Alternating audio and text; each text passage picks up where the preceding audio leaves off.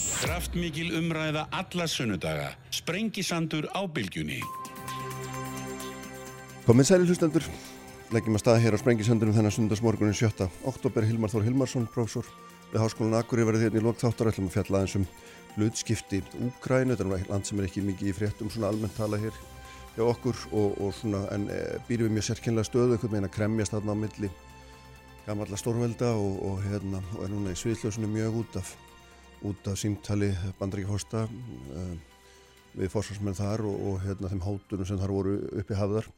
Uh, sérkynna þessi hægt að hóta fjóðum með þessum hættu og svona, sínir okkur hversu mjög úgrænumenn eru, eru uh, háðir erlendri aðstofan þessa myndir fjallum að sem þetta Hilmar hefur verið mikið í Östra-Európu skrifabækurum verið sína þar og, og hérna og enn í komum frá Úgrænum. E, Ólafur Íslensson, alþingismæða, verður hérna líka fjallum um EES-samningin og nýja skýslum hann. E, Davi Eggertsson, borgarstjóri, verður hérna hjá mig líka, en Ragnar Þór Ingólfsson er fyrstigestur í dag. Forma Vaffer, velkomin. Takk. Sko, um, ef við ræmum aðeins í nokkar spjall, þá, þá var þetta þannig í lífskjara samningunum að, hérna, sem að þú varst nú einn af svona aðal kvatamennunum að, að það átt að lækka vexti. Uh, það var eitt af, eitt af hérna, megimarkmunum að segja að hafi gengið bara nokkuð vel eftir og, hérna, og lífur í sjóðir sem að þið farið með helminga, helmingsvöld í verkefnisræfingin hafa gengið mjög hræsilega fram við að lækka vexti á húsnæðismarkaðum og núna sínist manni þessi tvent að gerast. Annars verður það að þinn eigin lífur í sjóður og svo má segja, þess að ég ætla að segja að eigir hann lífur í sjóðu vestlunum hann ætla að fara að halda sér höndunum. Segir bara ég er búin að lána mikið. Get ekki lána meira inn á húsnæðismarkaðinu ef ekki penning fyrir því, ekki til að lækka vexti meira eins og lífskjara samlingarnir gerur á fyrir. Og hittar þetta sem mennur að sjá í spílónum að lægri og lægri vextir hafa þau áhrif að húsnæðisverð hækkar. Þannig að fólk er í sömu krísu með þó að afborgarnirna lækja þá er hérna svona hlutvarslega að þá er verðið bara orðið herra. Þetta er ekki þar sem að stemtur aðrangar. Eh, já og nei, eh, þetta er vissulega flókin staða vegna þess að lífyrirsjóðunir og rinni bara fjármála kerfið eh, hefur ekki verið að lækka vexti eins hratt eins og við höfum viljað sjá. Mm -hmm. Við höfum verið að mæla það að álagning ofan á markasvexti hefur bæði hækkað umtalsvert hjá bæði lífrissjóðum og, og, og böngunum. Mm. Það er óþólandi staða að, að alveg svo við gaggrinum olíufélagin sem skil ekki hækkunum eða kannski heimsmarkas lækkun og olíu út í bensinverðið en, en síðan kemur svo staða núna til dæmis að, að lífrissjóðunir, jú, þeir eru með hagstaðustu kjörin og uh, þeir ásókn í sjósfélagalánin hjá lífriðsjónum er gríðaleg og miklu meiri heldur en uh, menn kannski eru vanir. Þannig að um, sko mest allt innstreymi eða, eða að innstreymi eða fjármaks sem að kemur frá þýgjaldunum okkar mm.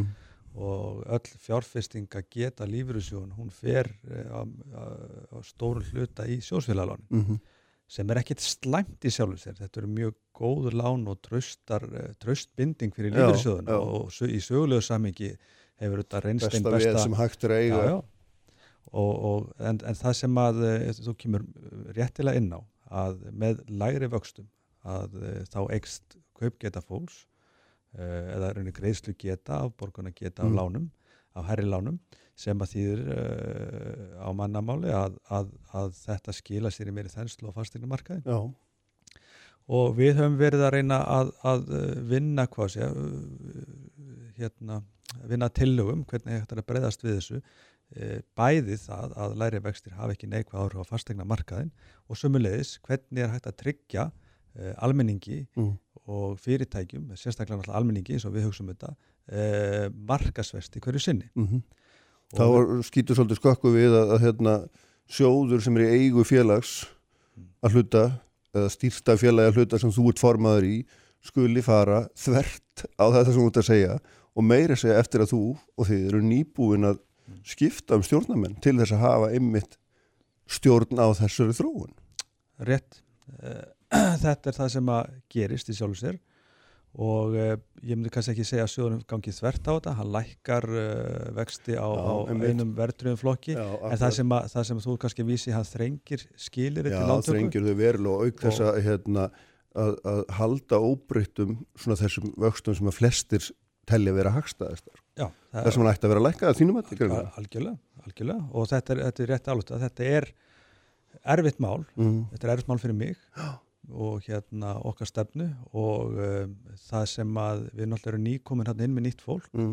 uh, en það sem að við höfum verið að reyna að gera það er að teikna upp laust sem að getur gengið bæði fyrir lífyrirsjóðuna og almenning. Uh, það virðist ríkja algjört stefnuleysi uh, varandi, hvað sé að vaksta ákvarðanir hjá lífyrirsjóðum Mm þeir eru komnir einhvern veginn upp á vegg fastir inn í þessum 40 ára lána uh, hvað sé að kriterju eða pakka og uh, eru sífælt einhvern veginn að reyna að aðlega sig að markaði sem verður að breytast og endur hugsa upp á nýtt. -hmm. Það er að segja, eins og til dæmis í Skandinavíu þá eru lífyrirsöður til dæmis ekki beinir lánveitundur á húsnæðismarkaði þeir gera þetta í gegnum lánapott það sem að uh, er bara húsnæðis lána uh, kerfi Mhm. sem að lífyrirsjóðunir fjármagna og uh, þar eru til dæmis almenningi í Skandinavíu tryggðir markasvestir hverju sinni Mhm. og þetta er hægt að gera hérna líka Mhm. og ég held að lífeyrissjóðunir ættu nú ekki að vera mótfallni því að, að finna einhverja svona gagsæja og góða leið svona til þess að, að, að, miðstýra þessu gegnum einhvern nýbólana banka Mhm. sem þeir sjálfu fjármagna. Grundvallaratrið í þessu núna fyrir lífeyrissjóði er að uh, vinna hratt og uh, hugsa rauninni allar vaksta ákvarðanir og hvernig þeir ætla að stýra þessu til framtíðar upp og nýtt. Uh, ég veit Þetta segir mér að þú tellir rangt að stjórnir lífriðsjónan taki ákvarðanur um að sjálfsögðu það er algjörlega galið vegna það er þess. galið, Já, hvað á stjórnir þá að Já, gera sko, tökum sem dæmi. hún er ráðin sérstaklega til þess Já, Já, hún, já, er ráðin já. til þess að, að dreifa og rauninni eigna stýra í sjálfsögðu hafa Já. yfir umsjón með eignum lífeyrissjóðinu Já, sem í okkar vestlunumanna tilfelli er yfir 800 miljardar, þetta er svakalega upp Já, það sem að stjórnin ger, hún ákveður síðan hva, hversu mikið á að vera í sjóðsfélagalánum, hversu mikið vera í ríkistriðubriðum og svo hlutabriðum og svo framvegis innan þeirra marka og regna sem að lögum skildu trygginga lífeyrisréttinda e, segja til um. mhm, Það sem, ég, það sem að við erum að benda á fyrst og fremst að til þess að hægt sé að ná vakstastíðinu neðar heldur en það er í dag e, þá þarf að til dæmis stitta lánstíman að það sé ágætis mótvæðis aðgerð Mhm. til þess að, að e, læri vextir hafi ekki þau áhrif að, e, að einstaklingur sem býr einn hafi allt í unnu efna á því að kaupa 80-90 miljón krona einbýlishús. Mhm, að við þurfum að- vinna einhvers konar mótvæðisaðgjörum, alveg svo við erum að gera í húsnæðismálunum með e, fyrstu kaupalánin, eða þessi equity loans sem er að fyrirmynd bæði skota og, og breyta, að e, til þess að fá eiginfjárlán frá ríkinu, að þá e, gildir það bara um kaup á nýjum fastegnum, mhm. sem þýðir að E- e- eins og það er, er á þessum stöðum sem þú ert að lýsa já, sem þýðir það að uh, til þess að þú fáir svona lán og þú sért að koma þá að opna fyrir nýjan uh, rauninni neytenda að kaupenda hóp Mm. á fasteinamarkaði Mm. þá er mótveðs aðgerðin þannig sett upp að, uh, að samhliða uh, fjölgun kaupenda á fasteignamarkaði í Breitlandi og Skotlandi að þá eh, er það hengt við uh, hérna framleyslu á húsnæði eða Mhm. bygging húsnæðis, Mhm. nýs húsnæðis Mhm. þannig að uh, meðan eftirspurnin er aukast þá mun frambóð aukast samhliða því það er svona þessi mótvæðistakir og það sem þarf að gerast á fastegnamarkaði og sérstaklega fastegna lánamarkaði er það að uh, vinna gegn þessu stefnuleysi lífyrirsjóðuna þeir eru að keppast innbyrðis þessi lægstur, þessa stundina á þessu lánaflokki svo kemur gildið, einhver annar lífyrirsjóður hann lækkar sig og svona gengur þetta koll og kolli fólk er að- endurfjármagna og endurfjármagna Já. uh, þannig að uh, og ein, einu fer, sem að ekki, ekki getur verið mótfallið því sem verkalýsfóringi að við fáum að endur fjármagna og Nei, hagstæðari alls, vöxtum. alls ekki, Nei. alls ekki en. Það sem, er, það sem er að gerast núna að nú hafa markasvextir Mhm. lækkað meira heldur en vextir vastalækku lífriðsjóð og banka hefur gert mm -hmm. og það er komið mikil eh, sko, spenna og pressa á bæði fjármálastofnur og lífriðsjóði ef við gerum til dæmis ekkert í þessu þá Mhm. er hægt við því til dæmis að lífriðsjóður myndi þetta vaksta golf endanlega það er að segja, sama hvað vextir eða, eða markasvextir eða stýrivextir lækka að þá bara fara lífriðsjóðurnir ekki neðar. Og það er eitthvað sem að er staða sem er bæði algjörlega óþólandi og við getum ekki sætt okkur við En þú ert alltaf reyfing sem Já. við erum að reyna að ná niður vaxtastíð þess að það sé það Aha. að, að sko mótvæðis aðgerðnar eiga ekki að vera þannig að þú þrengi lánaskilirðin Mhm. mótvæðis aðgerðnar eða þá frekar vera þannig að þú stýttir lánstíman við erum að reyna að komast í það vaksta umhverfi sem að uh, við berum okkur svona gætna sama við eins og í Skandinavíu það sem, er, Það sem vextir eru eru nú reyndar 25 ára lán það sem eru 25 Mm. ára húsnæðislán já. og vextir eru mun læri 40 ára lán í Skandinavíu og við, viðast hverju Evrópu Mm. eru félagslega úrræði. Hérna er þetta bara normið. Og við þurfum að komast út úr við þurfum að komast út úr þessu boksi og fara að hugsa, hugsa þetta upp á nýtt. En sko 40 ára lánin eru náttúrulega, það er rétt að vera félagslega úr eða þeim skilningi að þeir sem eru tekjulágir þeir eiga engan annan kost. Umlega þú fjarlægir þetta, tekur heggur þetta þennan hala af þá lenda þeir náttúrulega í ógöngum að sjálfsögðu, já, já sko uh, það, það sem við erum að tala um núna mm. uh, er mótvæðis aðgerð Mm uh, hérna, samhliða lækkum vaksta Já. og það, þá, þá er ég að tala um lánstíman -hmm. síðan er það bara einfallega þannig og það er allstaðar í heiminn, nánast allavega í þeim löndum sem við byrjum okkur saman við að þegar að þú ert komin undir greiðslugetu eða komin undir það steg að geta keiftir á, á markaði uh, annarkvort vegna lára tekna eða, eða örurku eða einhver anna, einhvers annars uh, annar áfalla að þá eru bara til sérstök úrræði Mhm. og, og við eigum að halda þeim úrræðum gangandi og opnum í þessu tilfelli erum við að smíða úrræði varðandi fyrstuköpalánin Mhm. í Skotlandi til dæmis og Breitlandi Mhm. að þá eru fyrstuköpalán þá er, erum við að tala um þessi startlan frá ríkinu sem við erum að teikna upp í kringum 20% þú komið með 5% steifi og síðan lána banki eða lífyrirsjóður 70-75% Mhm. þannig er þetta teiknað upp og við erum að vinna þessa kríterju aðeins áður heldur áfram hverjir eru við í þessu tilviki við erum verkalisreifingin Já. ég er formaður húsnæðisnefndar Alþjóðsambands Íslands Mhm. og við erum að vinna þetta náið með Íbólunssjóð og, og síðan eh, félags- og barnamálaráðara sem að eh, hefur haldið að verður nú bara rósa, bara mjög vel utanum uh, þessa vinnu. Þetta er partur á okkar lífskjara samningi að Mhm. tryggja fólki uh, aðganginu húsnæðismarkaði sem eru ekki haft aðgang aðanum uh, áður á þess að eiga ríka fóreldra Aha. og þetta til dæmis uh, þessi leið, þessi fyrstu kaupaleið hún er mótvæðis aðgerinn við það að við ætlum að banna 40 ára uh, verðrið jafnkvæmslu Mhm. eða þessi Íslandslandslokullu Aha. En sko að því að hérna, rétt eitt í viðbótum lífur í söðuna því að svo, sem að loki því bara er náttúrulega það að þú veist, þetta eru þetta tvær hliðar á saman peningi, annars vegar eru útlánin og hins vegar eru ávöxtun fjárhins sem söðunin varveita fyrir okkur Akkúrat. sem höfum greitt inn í það og Akkúrat. um leiða við hérna, þú, þú knýrið á um vakstarleikun að þá náttúrulega minga möguleikar söðuna líka til þess að ávasta það fyrir sem þeir eiga. alls ekki Alls ekki. nei, nei. Jó, við. sko, hva, hvað er ávöxtun? Sko, ef, ef við Hvað tökum til nú, dæmis Þetta er heimsbyggil spurning, hvað er ástæð? Nei, ég meina, ætlar að halda því fram í alvöru að ef almennt vakstast lækkar í landuna það hafi ekki áhrif á ávöxtun hérna, peningana sem lífriðsóðinir handla með. já, sko, þá er það spurning, hefur það jákvæða neikvæða ávöxtun? Uh, já, jákvæða neikvæða á- áhrif læri vextir uh, til dæmis ef að við getum tekið sem dæmi bara hefðbundi skuldabrif Mm -hmm. ef að vextir eru mjög háir og allt og háir þá eru miklu meiri líkur á til dæmis vanskilum það er miklu meiri líkur á greiðslufalli bæði á Mhm. fyrirtækjum og einstaklingum ef vextir eru sangjarnir og eðlilegir að uh, þá ættu sko út frá öllum markaslögumónum Mhm. heimtunar að vera betri tilbaka og svo má líka deilum það hverjir eru hagsmunni sjóðsfélagana raunverulegir er það að uh, lífriðsjóðunir haldi upp og keirum vakstastig alla starfsæfina þannig að þú lifir sem hálgerur þræll okkur vaksta og eigir eh, illa sem litla möguleika og eignast nokkuð skapaðan hluti við starfsæfina bara til þess að fara annarkort eignalös eða stórskuldur fyrir haus á líferi sem að lífeyrissjóðun ætla sér að, að ávöxta með eins háum vöxtum og þau mögulega geta og sneiða einni fram hjá kerfisbundum markasáföllum. Þetta er heimsbyggileg spurning líka. Uh, þannig að uh, ég myndi segja uh, við getum tekið sem dæmi skuldabriðin sem að lífeyrissjóðunni keftu í símanum á sínum tíma. Þau voru verðtrygg á 6,75% vöxtum en þau voru ekki verðtryggðar en það að þau töpuðust á fullu.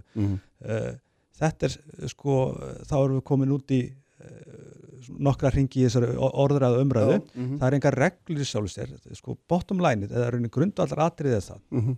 Við tölum um vexti, háaðala og vexti að, að það sem að sjóðsfélagar uh, munu á endingu þurfa að reyða sig á markastrifi lífeyriskjöfi og eins og það er byggt upp í dag að þá skipta gæði fjárfestingana mestu máli ekki vakstakjörin. Gæði fjárfestingana eru þau, er það sem að skilur okkur tryggum og traustum lífeyri til uppi staðið en ekki uh, raunni uh, hvað segja, ástunarkráin. Skilðið, en sko þegar ég spyrði um þetta þá tekur þú einhver dæmi sem eru hérna aukaföll í báðar áttir skilur. Ég get ekki miklu, miklu fleiri Ég skal taka öll Já, alla skuldabröð já, útbóður sem að lífriðsjóðinni keifti hérna fyrir hrun vegna þess að fögu allar. allt nema sjóðfélagaláni.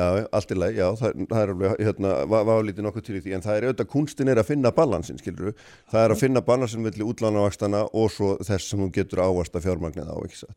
Og það verður náttúrulega vera, ég meina, ef þú ert að ávasta lífri fólks, þá verður auðvitað að vera einhver þólanlega ávastum en hafa miða við 3,5% er það ekki, raun ávastun en það er ekki í einhverjum reglum, ég veit að þetta er eitthvað svona viðmið og, og þú mér raun að vera að segja að það sé hérna, það sé þá of hátt eða hvað Sko það, það var margir, er margir margir- bent, bent á það að Mm. þetta viðmið er bæði óraunhæft Já. og allt og hátt. mm -hmm. Ég sjálf sér á viðmiði sem slíkt að vera aukaðrið eins og ég nefndi á hann. Það Aha. er gæði fjárfestingarna sem skipta máli ekki viðmiði sem, Mhm. sem slíkt. Mm Við getum gert hvaða ástunakröfu sem er. Við getum haft hann 10% eða 5% en það breytir því ekki að það sem eftir stendur til þess að greiða út lífeyri Mhm. eftir að vinnuskyldu líkur -hmm. er það sem fæst fyrir þær eignir sem að lífeyrissjóðunir eiga þegar þeir þurfa að selja þær til þess að standa undir greiðslónum Mhm. og það er grundvallar spurningin og síðan þurfum við að, að líka spyrja okkur þessar spurningu hverjir eru raunverulegir hagsmunni sjóðsfélag eru það uh, uh, væntar heimtur uh, frá lífeyrissjóðum eftir 67 ára aldur? Er það lífsgæð okkar Lítur að vera alveg klálega eitt þáttur. Eitt þáttur. Já. eða eru það lífsgæð okkar frá deginu sem við byrjum að Það greiða í, í, þáttur, í lífeyrissjóð Já, 16 ára gömul og fram til 67 ára aldurs. Já. og, þetta, er, þetta, þetta er bara stór spurning sem þetta er að spurja að og, Mm. og, og, og ég hef verið að spurja að þessari spurningu og fleiri. Og þess vegna tel ég mikilvægt til dæmis að, að, að það verið farið í heil, heildar endurskoðan á, á lífeyrissjóðakerfinu og til dæmis getu, raunverulegri getu uh, sjósöfnuna fyrir komulagsins Mm. til þess að greiða lífeyri eftir að vinnuskyldi líkur. Mhm. Við getum tekið sem dæmi þegar lífeyrissjóðakerfi verið fullt þroskað og þarf að selja eignir til þess að standa undir uh, lífeyris útgjöldunum. Hver á að kaupa þessar eignir? Mhm. hvað fæst fyrir þær og hvað mun gerast þegar að verða djúpar niðursveiflur á mörkuðum, þegar sjóð, sjóðakerfið er fullt roskað, hverju munu taka skellin þá? Mhm. Hvað hefði til dæmis gerst ef að lífyrirsjóðunir hefði þurft að selja eignir árið 2009 þegar að uh, engin kaupandamarkað var til staðar nema þá á brunátsölum?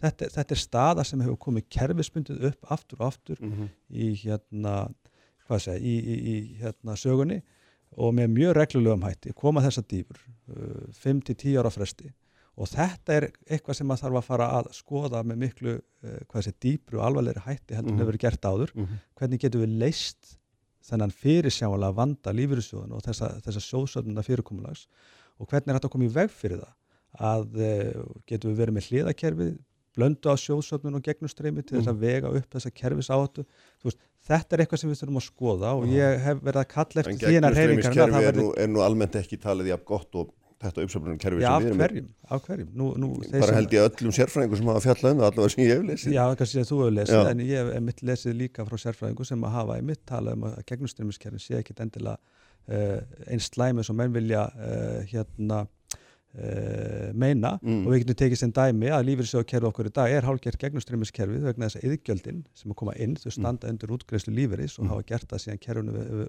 var komið á og muni gera það næstu 10-12 árin En allavega. það er nú öfumæli að kalla þetta kerfi okkar gegnumstreymiskerfi. Já, sko, það, það, er fer, það, það fer í sjálfins er engin raunveruleg eignasala til að standa undir greiðslu lífeyris. En ég, ég er bara að taka sem dæmi, Mhm. það er hægt að færa fyrir því rauk að við séum með hálfgett gegnumstreymiskerfi ennþá meðan söfnunum fer fram. Mm En síðan er spurning, hvað mun gerast þegar að lífeyrissjóðunni, þegar að yðgjöldin okkar dug ekki lengur fyrir útgreiðslu lífeyris. Já. Hvað, hvað mun gerast á þeim tímapunktu og hvernig ætlum við að breyðast við því? -hmm. Og, og ég er ekki ég er sko, mín, það sem ég hef skrifað um þetta er uh, í sjálfu sér að, að uh, kostur og gallar gegnumstreymiskerfa og kostur og gallar sjóðsöfnunarkerfa vega ágætla upp á móti uh, hvað sé, kerfisköllum hvers annars þannig að blönduleið þessari tvekja Mhm. kerfi gæti verið ákveðin laust sem, Mhm. að, sem að myndi til dæmis koma í veg fyrir uh, þessa markasáhættu sem að Mhm. framtíðar kynnslóður sem að muni þurfa að taka líferi út frá markaslegum fórsöndum uh, geta þá leist þann, uh, þá áhætt og þann vanda. Og þetta er Mhm. líka alveg galið að fólk, gamalt fólk, þurfa að reyða sig í framtíðin á það að uh, afkomu sína út frá markaslegum fórsöndum það finnst mér vera mjög vafasum uh, hugmyndafræði. Mm Sko við komumst alltaf ekki mikið lengra en hérna, sko eitt þú nefndir á þann að það, hérna, það væri eitthvað svona sjóðapottur lífyrirsjóða sem að hérna, þú getur séð fyrir þér að eru til og myndi fjármagna húsnæðislána sem að myndur setja peninga í einhvern pott hérna, hinn er þessi sjóði vantilega, það væri einhvers konar íbúðalána banki, við þekkjum þetta fyrirbyrði sérstaklega frá Danmörku, það sem er sérstaklega húsnæðisbankar eða voru að mista hústi til uh, hérna og nú búið að breyta því eitthvað setna árum reyndar svona meiri markasáttið mitt en er þetta, einhver, er þetta hugmynd sem er uppi núna? Við erum að teikna þetta upp til þess að breyðast við þessir stöður sem komur upp núna. Já, ég skil það, en er, er þetta í alveg einhver hugmynd sem er að skoða að, að hérna, setja fót einhvern íbúðalann á banka? Við erum að skoða þessu hugmynd, já. Í, í, vaffer. Við, við erum, og ég myndi segja, við höfum sínt ákveði frumkvæði áður mm -hmm. og erum óhætt við að koma með nýjar hugmyndir. Mm -hmm í staðin fyrir að kasta inn hanglan og segja bara herri neini, herri nú bara náum við ekki vöxtunum lengra niður og, og nú við bara hægt að reyna en við verðum alltaf að reyna, við verðum að finna leiðir til þess að bregðast við þeirri stöðu sem lífyrirsöðun til dæmis standa fram með fyrir í dag mm. og það þarf að fara að hugsa þetta kerfi upp og nýtt, það þarf að fara að hugsa það hvernig getum við lækka vext enn frekar í staðin fyrir að þrengja skilurðum og auka þannig á mismunun innan lífyrirsjóðakerfisins og millir sjósfélag. Segja að það séu bara efna meiri og egna meiri sjósfélag sem geta tekið hagstæðistur lánin og þeir sem eru egna litlir og læri, læri launum mm -hmm. fá alltaf vestadílin. Þannig er okkar lánakerf og hefur verið áratugið saman og við erum einfallega að reyna að teikna upp einhverjar hugmyndi til þess að breyðast við þessu. Það þarf að breyðast freka við þessu með styrtingu langstíma heldur en að trengja skilurðum og það er svona markmið okkar í, í grunninn. Mm -hmm. En þessar hugmyndir ykkur um enn íbúðvanka, er njóta þær hérna einhverja hilli með þeirra sem þeir eru að kynna það fyrir eða hvernig, hvernig er staðan á þessu? Það kemur óvart ef að lífeyrissjóðunir eh, myndi ekki taka vel í þessu hugmynd mm -hmm. þeir eru að fá sjósfélagina inn á skrifstofu þeir eru að gera greiðslumat það er mikið álag á starfsfólki í lífeyrissjóðuna og ég held að, og ég bara leiði mér að trúa því að þetta sé allavega einhver grundvöllur til þess að mm. ræða við lífeyrissjóðuna á til þess að koma einhverju skikk á lánamarkaðin og líka til þess að tryggja uh, sjósfélagum almenningi í landinu lægstu markaðsvexti Eh, hverju sinni og það er ekki að gerast eins og staðin er í dag mm -hmm. og, og þess vegna þurfum við að hugsa út fyrir raman. Ljómandi, Ragnar Þór Ingólfsson, takk fyrir að koma að kella og höldum hérna áfram þetta augnablík, Dagur Bjækisson, borgarstjóri verið hérna hjá mér. Brettir þjóðmál og pólitík, sprengisandur á bylgjunni. Sprengisandur á bylgjunni. Sælir aftur hlustendur, þá er Ragnar Þór Ingólfsson farin frá mér eftir fráleitt spjallum Líður sjöði og húsnæðismarkaðin og þessar Jóhann og Hilmari Þór Hilmarsinni, prófessor Háskólinu Akureyri, ætlum að ræða eins hérna málefni í Úgrænu, þá ætlum við að fara svona fjarrir okkar heimaslóðum uh, í lokþáttar, Ólaur Ísleifsson verður hérna líka alþengismöður, ræðum þar ES-samningin, uh, gaggrinni hans og nýja skýslu um, um þann ágita samning, kosti hans og galla, síðusta aldar fjörðungum en Dagbjörn Eggertsson er sestur hjá mig, borgastjóri, velkomin dagur. Takk fyrir. Uh, við ætlum að ræða samgöngumál einhverlega, en mér langar aðeins svona rétt í byrjun, í framaldi sem Ragnar var að tala um hérna, húsnæðismarkaðin það er svona, það er skemmtileg mynd á kvikmyndaháttuðinni hérna riff um, sem heitir Puss mm -hmm. frýstingur, myndi maður halla eða eitthvað slíkt uh, um það hvernig fjármagnseigandur fjármagn tekur miðborgir og sölsalar undir sig eitthvað meginn og þrýstur upp í verði og, og hérna, og rekur eitthvað meginn svona fólkið mm. daldi út úr miðborgunum mm -hmm. og, og svona, þetta er kannski eitthvað ósvipu mynd og við höfum verið að sjá í Reykjavík undarförnum árum. Og, og nú veldi maður fyrir sér nú eru lífur sjóðnir svona heldur kannski að eða einhverju þeirra að hugsa til þess að, að svona draga saman seglin og, og hérna hægt að lána jafn mikið að hafa verið að gera og, og samfara vakstarleikunum hefur líka séð að þær hafa frekar tilneigu til þess að íta verði upp. Mm. uh, samtökuð innarins telja krana og segja þeim fæki og það sé ekki jafnmargar íbúður í pípunum eins og verið hafa og þarna, ég veit ekki, og, og menn benda mikið á sveitafélagin, þau þurfa að liðka til, hérna, liðka til fyrir reglgerðum, vera snegri aðgröð umsóknir og allt þetta. En hvernig horfir þetta, þessi myndi þér? Uh, já, í fyrsta lagi þá er þetta alveg rétt að, að uh, þetta er alþjóðlega umræða, alþjóðlega þróun uh, og stóri sjóður eins og, já, Blackstone eru oft nefndið sem dæmi, uh, hafa verið að koma inn í borgir og jáfnvel ekki bara kaupa bíbúður, heldur látið að standa tómar. Mhm. Mm Uh, og síðan hérna eru önnur þróun sem fylgir því að miðborgir eru að eiga svona endurkomu að segja má.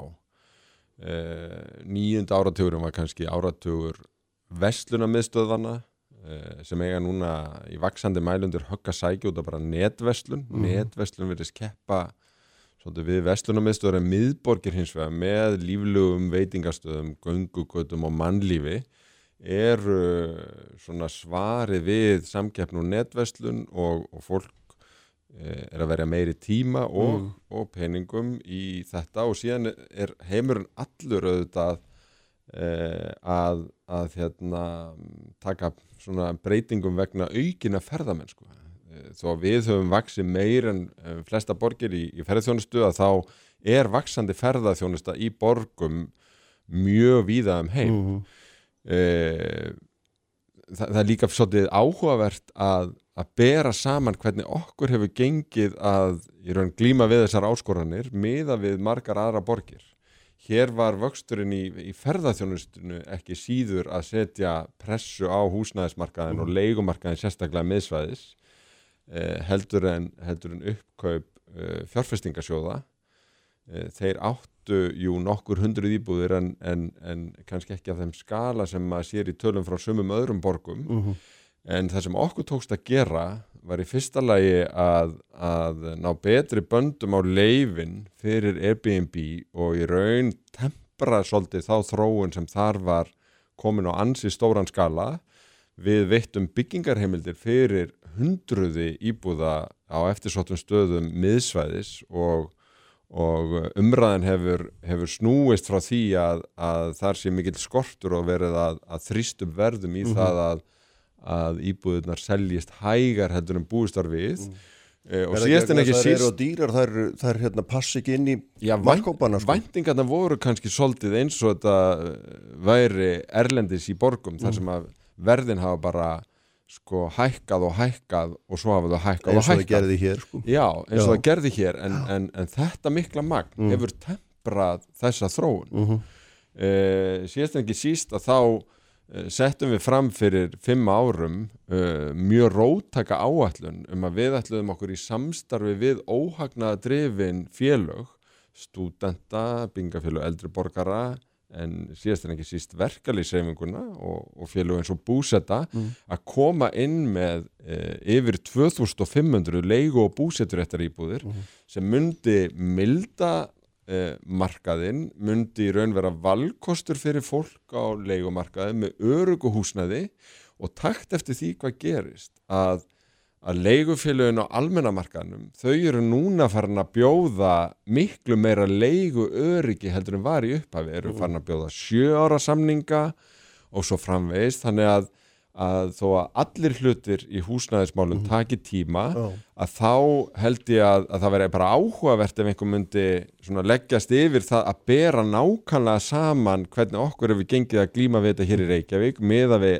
erlendaborgir vegna þess að stundum höfum við tekið umræðana hér án þessa alþjóðlega samingis en okkur hefur gengið að mörguleiti betur að ná jafnvægi á húsnæðismarkaðin hér heldur en mm -hmm. ymsum kollegum mínum oh, eh, en, ellendis. En þegar þú talar um jafnvægi þá er náttúrulega það samt sem á staðrind ennþá að við erum enna glíma við uh, hérna, vandamál fyrir hönd þeirra sem að minnstar hafa teikjurnar er að koma inn á markaðin í fyrsta sinn og, og þessar íbúður sem að hérna við höfum talað um í mörg ár og þú nokkur sinnum hér og, og víðar náttúrulega miklu oftar hérna, við þurfum íbúður fyrir ungt fólk, við þurfum íbúður fyrir hérna, þar sem hafa lágar tekjur.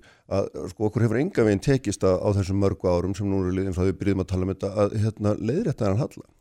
Eh, Sko jafnvega húsnæðismarkaði það er þegar húsnæðisverðið þróast með kaupmætti. Mm. og það er það sem við erum uh, búin að sjá núna undanfærin uh, eh, misseri að er komið á uh, það var hérna svolítil svona bóla sem myndast 2017 en, en núna er þetta jafnvægi miklu betra. Eh, við erum að, að, að koma inn með þessa leiguýbúðir, Bjarg er að koma með þar stúdendar er að koma með þar og, og fleiri, búset er að koma með þar eh, og þetta temprar klárlega markaðin mm. þegar, þegar greiningadeildirnar er að, að byrta sína greiningar þá eru þeir mjög ofta tala bara um kaup og sölumarkaðin þannig að þeir grýpa ekki þetta og mm -hmm. þessar íbúður er í sumum tilvægum ekki einu svoni taldar þegar verið er að telja íbúður í byggingu mm. stundaíbúðum er bara sleft en, en þetta er samt mjög mikilvæg hluti húsnæðismarkaðarins hérna e, fyrir ungt fólk mm en það sem borgin hefur verið að gera er að við erum búin að vera að leggja áherslu á leig og búsetturéttar íbúður þessar 2500 sem að skipta alveg verulegu máli. En það sem við erum að gera núna á einum 8-9 stöðum í borginni er að við fórum í tilrunaverkefni þar sem við köllum eftir hugmyndum um hagkvæmt húsnaði e, byggingaræðala sem vildu fara nýjar leiðir í fjármögnun, í tilbúði sérstaklega fyrir ungt fólk og fyrstu kaupundur mm -hmm. Og, og þannig verið að hanna og leggjum byggingaleifi vegna þess að við erum búin að, að veita vilirði fyrir þessum lóðum Mhm. þá þurfa aðilættina sína fram á þessi komni með fjármögnun og að markmið verkefnina náist og við hefum heyrt af sumum þessum verkefnum í, í fréttum og mér finnst mjög spennand að sjá hvort að þarna sé komin vitt e, fyrir ungt fólk og fyrstu kaupendur sem við hefum verið að býða eftir Mhm. því, að, því að það er alveg rétt hjá þér að margir töldu og, og, við þar á meðal að markaður myndir svolítið koma til móts við þennan hóp en hann gerði það ekki þannig að við fórum í Markaðurinn það. vísir á þig og segir það verður að hérna, það verður einfaldar reglugerðir og, og, hérna, og að það hraðaferlum. Já, við erum búin að við fram býðum og býðum og býðum eftir því að borgin snúi sér við. Já, já, við, þetta já, við erum er- búin að setja já. fram tillögur um einföldun á, á skipulagsumhverfinu, einföldun á, á byggingarleifisumhverfinu og, og býðum alveg með markanum í því. Mhm. en við höfum ekki bara gert það. Við höfum beinninis eh, komið með lóðir, komið með byggingareiti Mhm. Ef að uppbyggingaralendin geta sínt okkur fram á þeir sé að koma með eitthvað nýja vittin á markaðin íbúður fyrir ungt fólk og fyrstu kaupendur sem hefur vantað Hérna, við skulum hérna snú okkur að meginefninu, þetta var aðeins út í snúningur en þó ekki, þó ekki náttúrulega mjög mikilvægt. Heyrðu, við, langaði aðeins að tala við um þessa samgöngu, þennan samgöngu sáttmála. Mhm. Uh, hérna, segði mér bara svona örfáðum orðum, hverju breytir hann fyrir þig og okkur, reykjunginga, höfuborgarbúa? hann breytir mjög miklu uh, tímamótin í þessu samningi eru margþætt uh, í fyrsta lagi er þetta kannski í fyrsta skipti sem að ríkið og sveitafélagin og höfuborgarsvæðin ná saman um framtíða sín Mm. og tilefnið er ærið ekki bara staðan eins og hún er í dag sem er nóg og umfálsmikið verkefni heldur uh, höfum við í okkar svæðiskipulagi uh, fundið út að við þurfum að koma 70.000 manns fyrir á þessu svæði til 2040 Mhm. og við lögðumst í hilmikla greiningavinnu á því hvernig er hægt að koma uh, þessu mikla massa fyrir þannig að umferðin gangi upp þannig að umhverfismálin gangi upp Mm. þannig að lífsgæðin sé að aukast en ekki að rýrna og þannig að, að tíma fólk sé ekki í, í síauknum mæli varið í, Mhm. í bara umferðateppum á höfuborgarsæðinu Mhm. og uh, Og út úr því kemur þetta já, sátt- svarið er það að það verður ekki gert nema að breyta ferðavenjum Mhm. uh, þar að segja Og að þá kemur 120 miljardar samkomula sem gengur að meginstofni út af það að búa til nýjar agreinar, byggja brýr, leggja stokka og ég, maður sér ekki hvernig þið ætlið að ná þessum markmið að draga úr umferð sko. Þú breytir ekki ferðavenjum nema að, að vera að stóra efla almenningssamgöngur gefa þeim Mhm, forgangi mhm, umferðinni mhm. og gera þar afkasta meiri mm það gerum við með e, borgarlínunni sem að er fjármögnuð með 50 miljardar og þú þetta tryggja í gegnum skipulagið að hún fái þann forgang og séu þær hágæða almenningssamgöngur sem að efni standa til á vissum stöðum á höfuborgarsvæðinu er mjög erfitt að leysa það án þess að e, umferðin viki Mm. fari neðanjarðar og það er þess vegna sem við erum með þrjá stokka, einn á Miklubraut á móts við Klambratún og, og niður á landsbytala en líka alveg upp að kringlu annan við Sæbrautina á móts við hennar nýju vogabyggð sem mun í raun þá brúa tengja vogana aftur við vogana ef, ef svo má orðið komast og einn í hafnafjörðavegi í Garðabæ þar sem er, líka svona þröngt. Þannig að þessar uh, stoppvega framkvæmdir, stokkarnir eru á fossendum öfluri almenningssangongna, eru líka á svæðum þar sem að öðrum kosti íbúabegðin myndi líða fyrir mjög mikið návi við einhvers konar hraðbrautarskipulag En er þetta ekki alveg eins og forsendum þess að, bara einfalda umferð fyrir engabíla og þannig gangið að þvert á megimarmið? Nei, því hefur verið haldið fram að við séum að leggja hraðbröði meðfram borgarlínu, við erum ekki að gera það. Við erum að, að uh, uh, leggja borgarlínu fá uh, nægilega afkastamiklar og góðar alminnisamgöngur til þess að fólk þegar stendur næst frammi fyrir því að hugsanlega endur nýja Mm, bílinn mhm. geti jáfnvel slefti endur nýja bíl nummer tvö allavega fara í orkuskipti og þannig fáum við grætna og betra höfuborgarsvæði Mhm.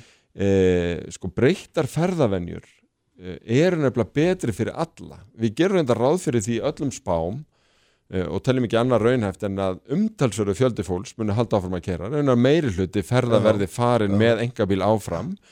En, en en til þess að ná eh, þessari umbreytingu þarf afkasta meiri almenningssvöngungur, Mhm. það þurfa að hafa forgang og það þurfi í raun að vera frábærar og Já. planið gengur út á það Aha. þetta er í raun mjög svona grundvallar græn umskipti til þess að við e, getum náð árangri í loftgæðamálum, til þess að við getum náð árangri í loftslagsmálum og til þess að við getum fengið betra höfuborgarsvæði e, en síðast en ekki síst til, svona, til þess að styðja okkur í því að, að staðsetja uppbygginguna fyrir þessar 70.000 sem er að bætast inn á, á svæðið nálag þessum nýju samgöngumát það er líkill í þessu Aha. Ljómandi, við skulum gera östu klíð, höldum áfram hérna með borgarstjórnum eittir augnablík. Uppspretta frétta á Sprengisandi. Á bylgjunni. Sprengisandur á bylgjunni. Sælir afturlustendur, borgarstjórin Daga Björgjarsson er hérna hjá mér en þá Ólaf Hilmar Þór Hilmarsinni professor og Ólaf Íslesinni alþingismanni hér á eftir. Eh, Dagur, sem aðeins halda áfram með samgöngumálinn, sko, það er þetta er 15 ára samgöngulag, samkomulag, ætlaði ég nú að segja, 15 ára samningur. Og hérna, og maður hefur nú séð sko samninga, svona langar samninga hrökkva til hliðar út af pólitískum átökum áður. Og hvað er það sem að svona í þínum huga tryggir að þetta fari ekki upp Hversu er- bindandi er þetta með öðrum Já, orðum? það er, það er reynd að binda þannig um hnútana í samkomleginu sjálfu Mm. að, að það sé hald í því Eh, en það eru auðvitað ákveðni stjórnskipulegi fyrirvarar alþingi þarf að samþykja þar Já. fjárveitingar og svo framvegis eh, en, en traustið byggir í raun á því að, að það er byggt á bestu upplýsingum eins vöndum greiningum og við höfum kannski noktum að gert þegar við erum að, að horfa til lengri tíma og við erum og nálguðumst það með býstna opnum huga þegar við vorum að gera svæðiskipulagi hvað væru bestu laustinnar þannig að það var skoðað byrju, hvað myndi það þýða ef við höldum bara áfram að þennja á töfuborgarsvæðið Mhm. og, og keirum jafn mikið og við höfum gert til þessa? Hvað myndi það þýða fyrir bara uh, heimilisbókaldið, fyrir tíman í umferðinni, fyrir hérna aðra þætti? Og þetta er niðurstaðan sko stundum kvörtum við við því að, að stjórnmálinn hugsa ekki til lengri tíma og ná ekki samstöðu þvert á flokkslínur um það sem eru grundallar atriði e, í því að búa til gott samfélag. En, en þetta er þá dæmi um nákvæmlega þetta vegna þess að sveitafélugin e, á höfbrukarsæðinu er alls ekki innlit svona pólitíst en þau hafa staðið saman að því að vinna þetta fæli og vinna þetta vel og komast að sameilur niðurstöðu e, og núna eru þau tíðindi orðin að við höfum náð sama við ríkistjórn sem er líka endur spekla mjög e, svona breytt pólitíst li, litróf Já, já. en höldum enga síður þessum skarpa fókus á í raun e, grænu borgina, lofslagsmálin, loftgæðin og, uh, og, og horfum til langs tíma og það, það er reyndar alveg sérstaklega mikilvægt þegar kemur að hlutum eins og samgang og skipulagsmálum vegna þess að árangurinn eigum við að hluta til undir því að fólk taki ákvarðanir byggt á þeim valkostum sem núna verða búinir til Já. þú veist, að því að, að, því að frábærar almenningssamgöngur verða ennþá betri þegar fólk fer að nota þær í stórum stíl og þarna komum við að þessum í raun persónulega ákvörðum hvers og eins þegar á að endur nýja bíl nr. 2 eða, eða fara í orkuskipti Já, já. Sko hérna, það er náttúrulega fleira þessu sem er svona, veit ekki maður hefur ákveðnar efarsendur umverður að segjast að því að mér er svo sem atvinnu að vera efarsenda maður líka.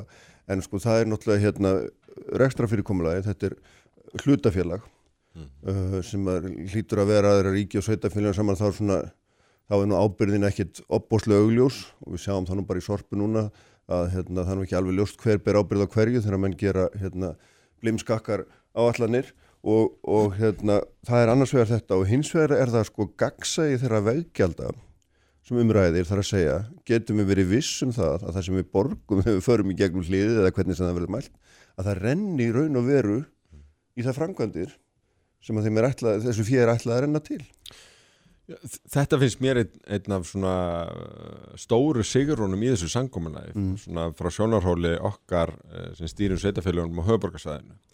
Ég nefnilega held að ef að óháð þessu sangkominæði þá stefnum við í breytta gjaldtöku af umferð, bara út af orkuskiptunum, út af því að bensingjöldum verða alltaf hlutvarslega lægri og lægri mm.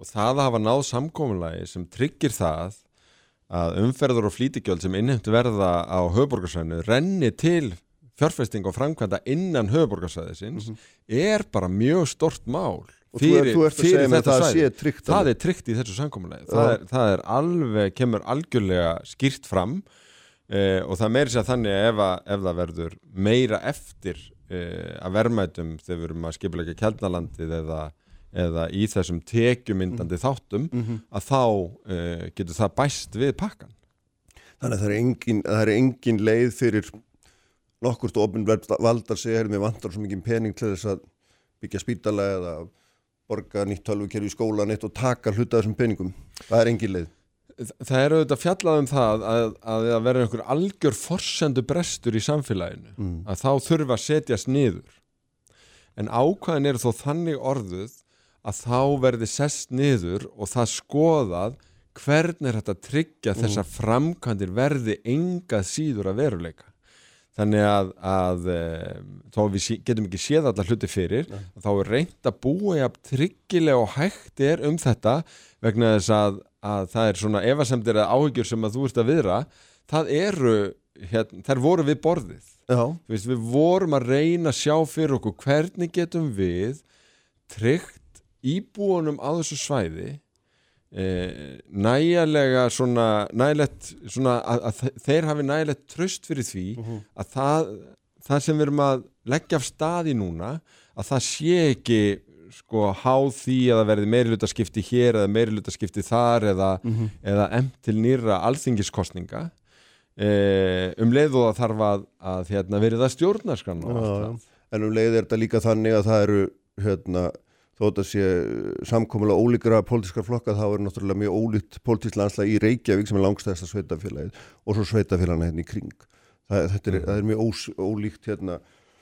Og maður svona hversu, hversu heilstift eru sveitafélagin í þessu samkomulegina eru, eru allir hægri flokkarnir í kringum borgina á sömu skoðun og vinstri flokkarnir, getur við sagt, inn í borginni vinstri miðjuflokkar til dæmis um uppbyggingu almenni samgangna vegna að þarna hafa nú leið á hvernig átakalínur í gegnum tíðina.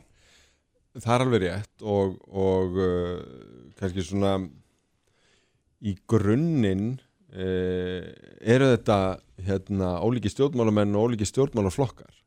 Ég held að, að sammælið og samstæðan byggja því að þessar greiningar uh, og í raun sviðsmyndir, mismunandi sviðsmyndir sem er búið að stilla upp sannfæri einfalla alla sem skoða þetta í grunninn mm.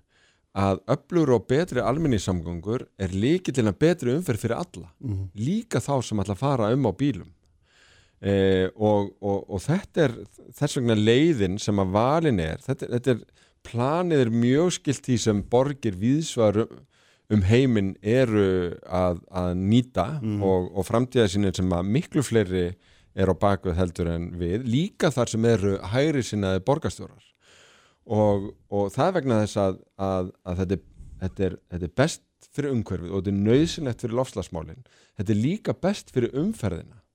Og sko mm. borgarsvæði heiminum eru svo víða stækkandi. Eiginlega bara öll svona meiri hátta borgarsvæði eru að stækka. Þau standa þessuna öll frammi fyrir e, þessu viðfórsefni hvernig á fólk að komast til og frá vinnu og milli staða án þess að þurfa að verja óhóflum tíma fast í umferð uh -huh, uh -huh. og það er með því að, að fækka bílum með því að gera eh, almenni samgöngu valkostina betri, veita þeim forgang þannig að þau fari hraðar og séu góð upplifun. Uh -huh. Þess vegna er hluti af borgarlínu eh, verkefninu ekki bara betri vagnar og forgánsakrin heldur líka betri stöðvar.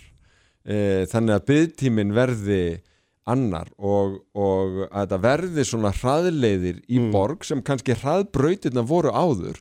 En við þekkjum það hér í morgunumfyrin og sítiðisumfyrinni nákvæmlega eins og borgir um allan heima hafa þekkt síðustu áratvíi að það sem áður voru hraðbrautir eru núna e, brautir þar sem þú verð tíma fastur í bíl hálf stopp allt, allt of lengi. Já, já, við þekkjum það líka mjög vel úr sögunni að borgir með víða og kannski nú stútkar frægasta dæmið það sem að menn byggðu alltaf fleiri og fleiri agreinar, stækkuðu veginn og bygguðu til fleiri slaufur og guðma þetta heitir allt saman og alltaf lengdi spiðtímin og, og hérna síðast er ég skoðað að það, var hann ekki að stýttast neitt og þetta er áratöga gammalt vandamál. Og það er það sem ég er að vísa til þegar ég er að tala um stokkana og brýtnar og allt þetta Já, sem já, er inn í þessu samkomulagi að það er þessi svona sjálfkrafa fjölgun bíla. Þegar þú býður þeim sem eiga bíla upp á þægilegri leið til þess að fara. Að því að því grunninn vilja öll að flesti fara á sínum bíl það er bara, það er bara miklu þægilegra svona almennt talað, þú ætti að fara um langa við þú ætti að lappa einhverju tölvegna spotta ég tala nú ekki um þegar það er austanátturigning og rók sko. Já, tölum aðeins um miklubreytastokkina því ég hef nú lengi brunni fyrir honum og, og, og tala máli hans og hann er inn í, í planinu ekki bara inn á planinu heldur er honum flýtt. Mm. Eh, Þar erum við að taka agreinar sem núna eru ofanjarðar og setja það neðanjarðar. Við erum ekki að fjölga þeim, við erum bara að færa þar eh, neðanjarðar. Mhm. Þá eh, í raun saminum við þetta, þessi klopnu hverfi sem hafa verið með hraðbraut á yfirborði verður þá róleg eh, umferð, Mm einni agrein í, í hvora átt, borgarlínu reynar og svo göngu og hjólastígar. Allt annað loft. Uh, bílarnir sem eru að fara inn í hverfið eru þá hluta þessar rólegu umferðu Mhm. yfirborði en gegnum streymisumferðin fer í gegn.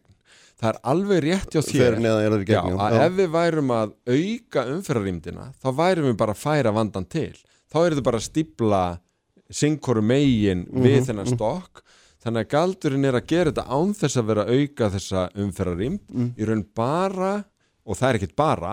Við erum að stór auka lífskeiðin í þessum stóru hverfum. Mhm. við erum að gera e, það örugt fyrir krakkana að, að hlaupa út á klambratún við erum að, að tryggja e, við erum í raun að endur hugsa útlit Mhm. og karakter hraðbrautina sem hafa verið að skera í sundur borgin okkar Mhm. við vorum að lækka hraðan á ringbraut alveg í, í vesturáttinni og ég sé fyrir mér að, að sko hluta þessari framtíðasín er að, að bara fólkið og lífskeiði þess íbúðarnir séu alltaf í fyrsta sæti þegar við erum að útfæra þetta Já, og, og það þarf auðvitað líka að gilda um stokkana Já.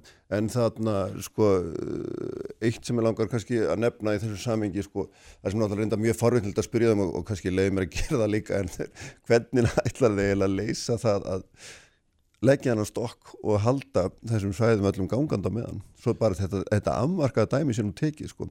Já, já, það verður handleggur Það verður Og- handleikur, já. og ef þetta verður fyrsti stokkurinn sem verður gerður í heiminum að þá myndi mér ekki lítast á blikuna. Þetta er auðvitað verið gert mjög víða þar sem En þú borgir þarf eru. samt að grafa upp allt svæðið og, og Já. leiða umfyrir eitthvað annað og svo framvegis, ekki og þú þetta áfangaskiptaði þannig Já. að þetta gangi allt saman upp. Já, og, og það er hérna verkefni sem verður hérna flókið, við vitum Mm. það. En það, ég er alveg samfæður um að það er leysanlegt En hvað, hvað með hérna svona, sko nú hef ég spurt um þessi veggjöld hérna oft sinni flokksískinniðin sem hafa verið hérna fyrirvændi fjármálur á þennan formanniðin uh, hérna Guðmund Andra Tórsson hérna um daginn og þau segja öll hérna gjöldum mikið varhugu veggjöldum á þeirri fórstu að þetta er gjald sem leggst þingst á það sem minnst eiga það sem legstar hafa tekjur og svo framvegis og hérna og nú setur þú hérna forsvarsmaður í samfélkingunni í Reykjavík Mm. borgarstjórin og þú ert bara keirir á stað, ég meina, ertu nokkuð hættur í eða? Nei, ég er það ekki. Eh, og það er nú hérna víða jafnaðamenn í borgum þar sem að hérna umferðagjöld eru nýtt til þess að, fjármagna ég meina þe- þetta er bara hluta því að vera jafnaðamaður að gleyma aldrei eh, hérna þeim sem hafa minnst á milli handana Mm en ég myndi En þau eru þá svolítið að segja þið séu það því.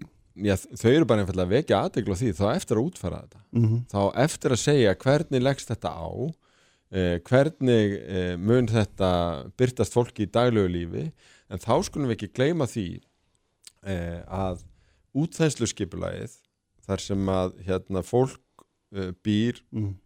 við þar aðstæður að þurfa eiga einn og jafnvel tvo bíla það auðvitað leggst mjög þungt á fólk og það er ekki eins og bensingjöldin séu tekjutengt þau Nei. fara bara eftir því hvaða marga bensinlítra þú þart að nota þannig að ég hef saknað þess soldið að við tölum ekki um e, betri samgöngur og, og öfluri alminni samgöngur mm. sem það kjaramál sem það er. Þannig að, e, þannig meina, að þú ert að segja að málflutningur þín eigin flóðsinskinni þessu sé, sé hérna bara svolítið byggður á miskilning Nei, ég er að segja að þetta eru eðlilegar áhyggjur Já, já, ég áttaði með því en já, þú ert búin að snúa þess á kvál núna Já, ég er bara að segja Ég bara, ég bara að segja það að tökum bara dæmi mm.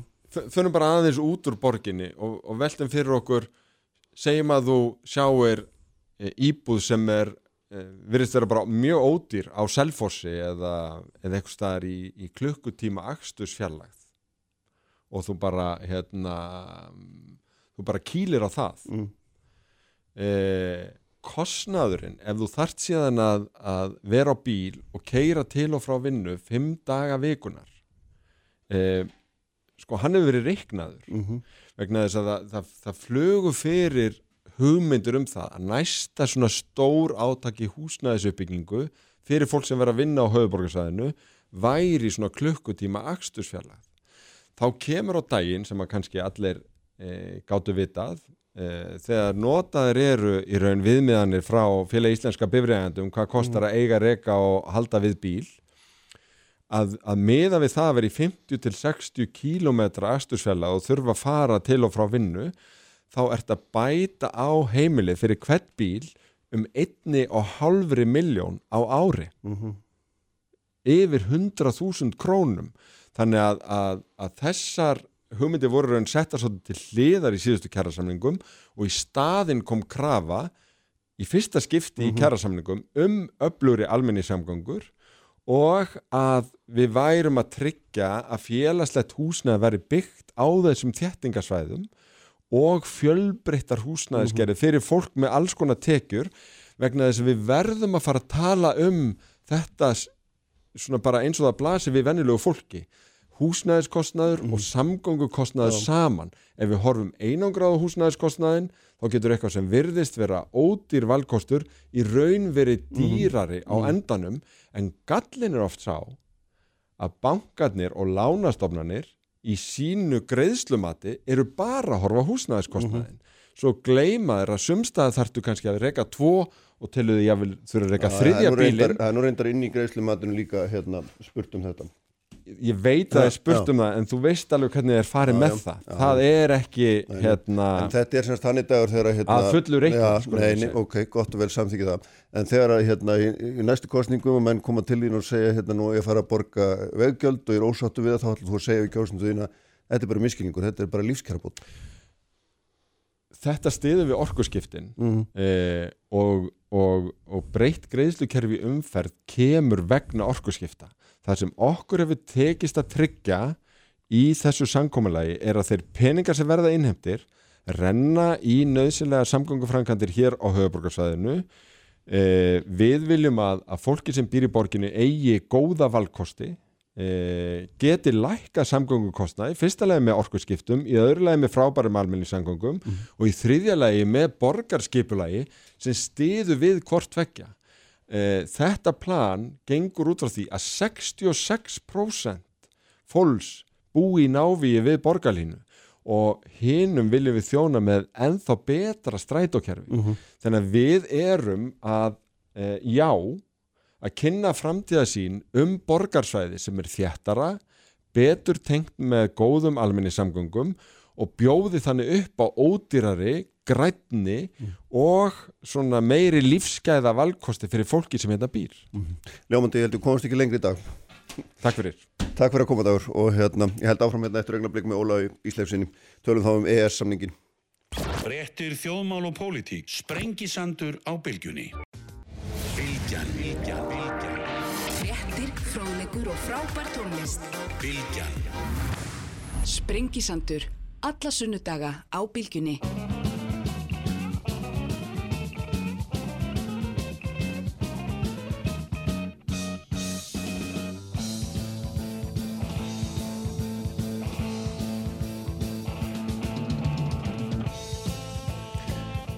Sælir afturlustundur, uh, borgarstjórin Dagar Bjækjardsson fannir frá mér, Hilmar Þór Hilmarsson, prófessor við Háskólan Akkurir, verður hérna í lokþáttar en í símanum er núna Ólaður Ísleisson, alþingismæður, sæl Ólaður.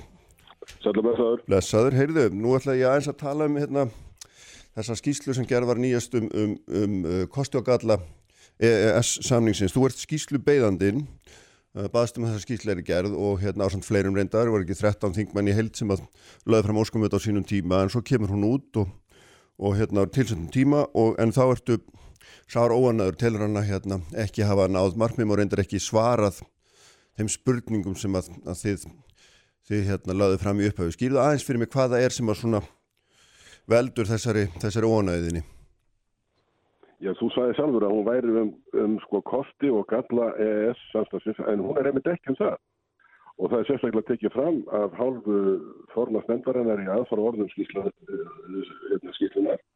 og það kemur sérstaklega fram í eh, erendisbrefi nefndarinnar sem að sem að utanriks hérna ráð þeirra laði fyrir hana skýslan er um svona eiginlega svolítið annað heldur en um var beðið. Það sem um var beðið var einmitt skýsla um kosti og galla aðildarinnar að EES mm -hmm. og tilefnið er bara óskup einfallega þetta að við erum búin að vera þarna í, í 25 ára eða frá stofnun oh.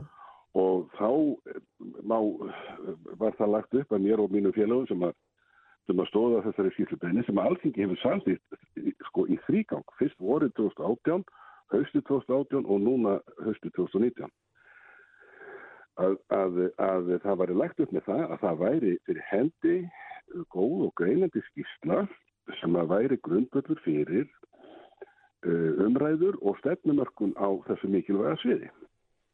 En þessi skýrsla er um svolítið annað og ég bara, óskum meðfallega að ég segi það nú bara upp á veldi því fyrir mér hvort að þessi skýrsla er raun og veru svari Eh, þeirri beðni sem alþingi hefur í þrýgang samþygt um það að hér verði skýrsla um kosti og galla samstagsins. En ég skal ekki gera lít úr þessari skýrsla á nokkur nátt eða vannverða hana með minnsta móti og auðvitað er margt hana velgerð sem, sem að bera þakka fyrir en þetta er bara ekki nákvæmlega það sem ég var beð. Hvað, sko, þegar þú beður um skýrslu um kosti og galla ES samningsins eh, þá svona ímynda með sér að þú tellir að það sé einhverju gallar sem að hérna, þurfa að leiða í ljós draga fram. Ertu svona ertu með mótaða skoðuna í hverju þér gallar eru? Er það þess vegna sem að þú hérna uh, fer fram á þetta Nei, ég meina ES uh, samstarfið er náttúrulega ekki fullkomið frekar en önnum mannana verk. Ég tel að það hafi komið fram á undanförnum árum þá hafi svona reynd uh, all mjög á þetta samstarf. Og ég kannski get nefnt nokkuð dæmi í því ef, ef, ef okkur er stímið til. Það er til að mynda, e, náttúrulega það er kannski nýjastu þetta orkupakkamálið, þar sem að það líkur fyrir álískerð frá lögfræðilegum ráðunöndum ríkistjóðanen sjálfar að e, erlendir aðilar fengju við viss skilirði að minnstakosti ópen áhrif á uh, ákvarðanir sem að lúta orkuðuröndu þjóðarnar.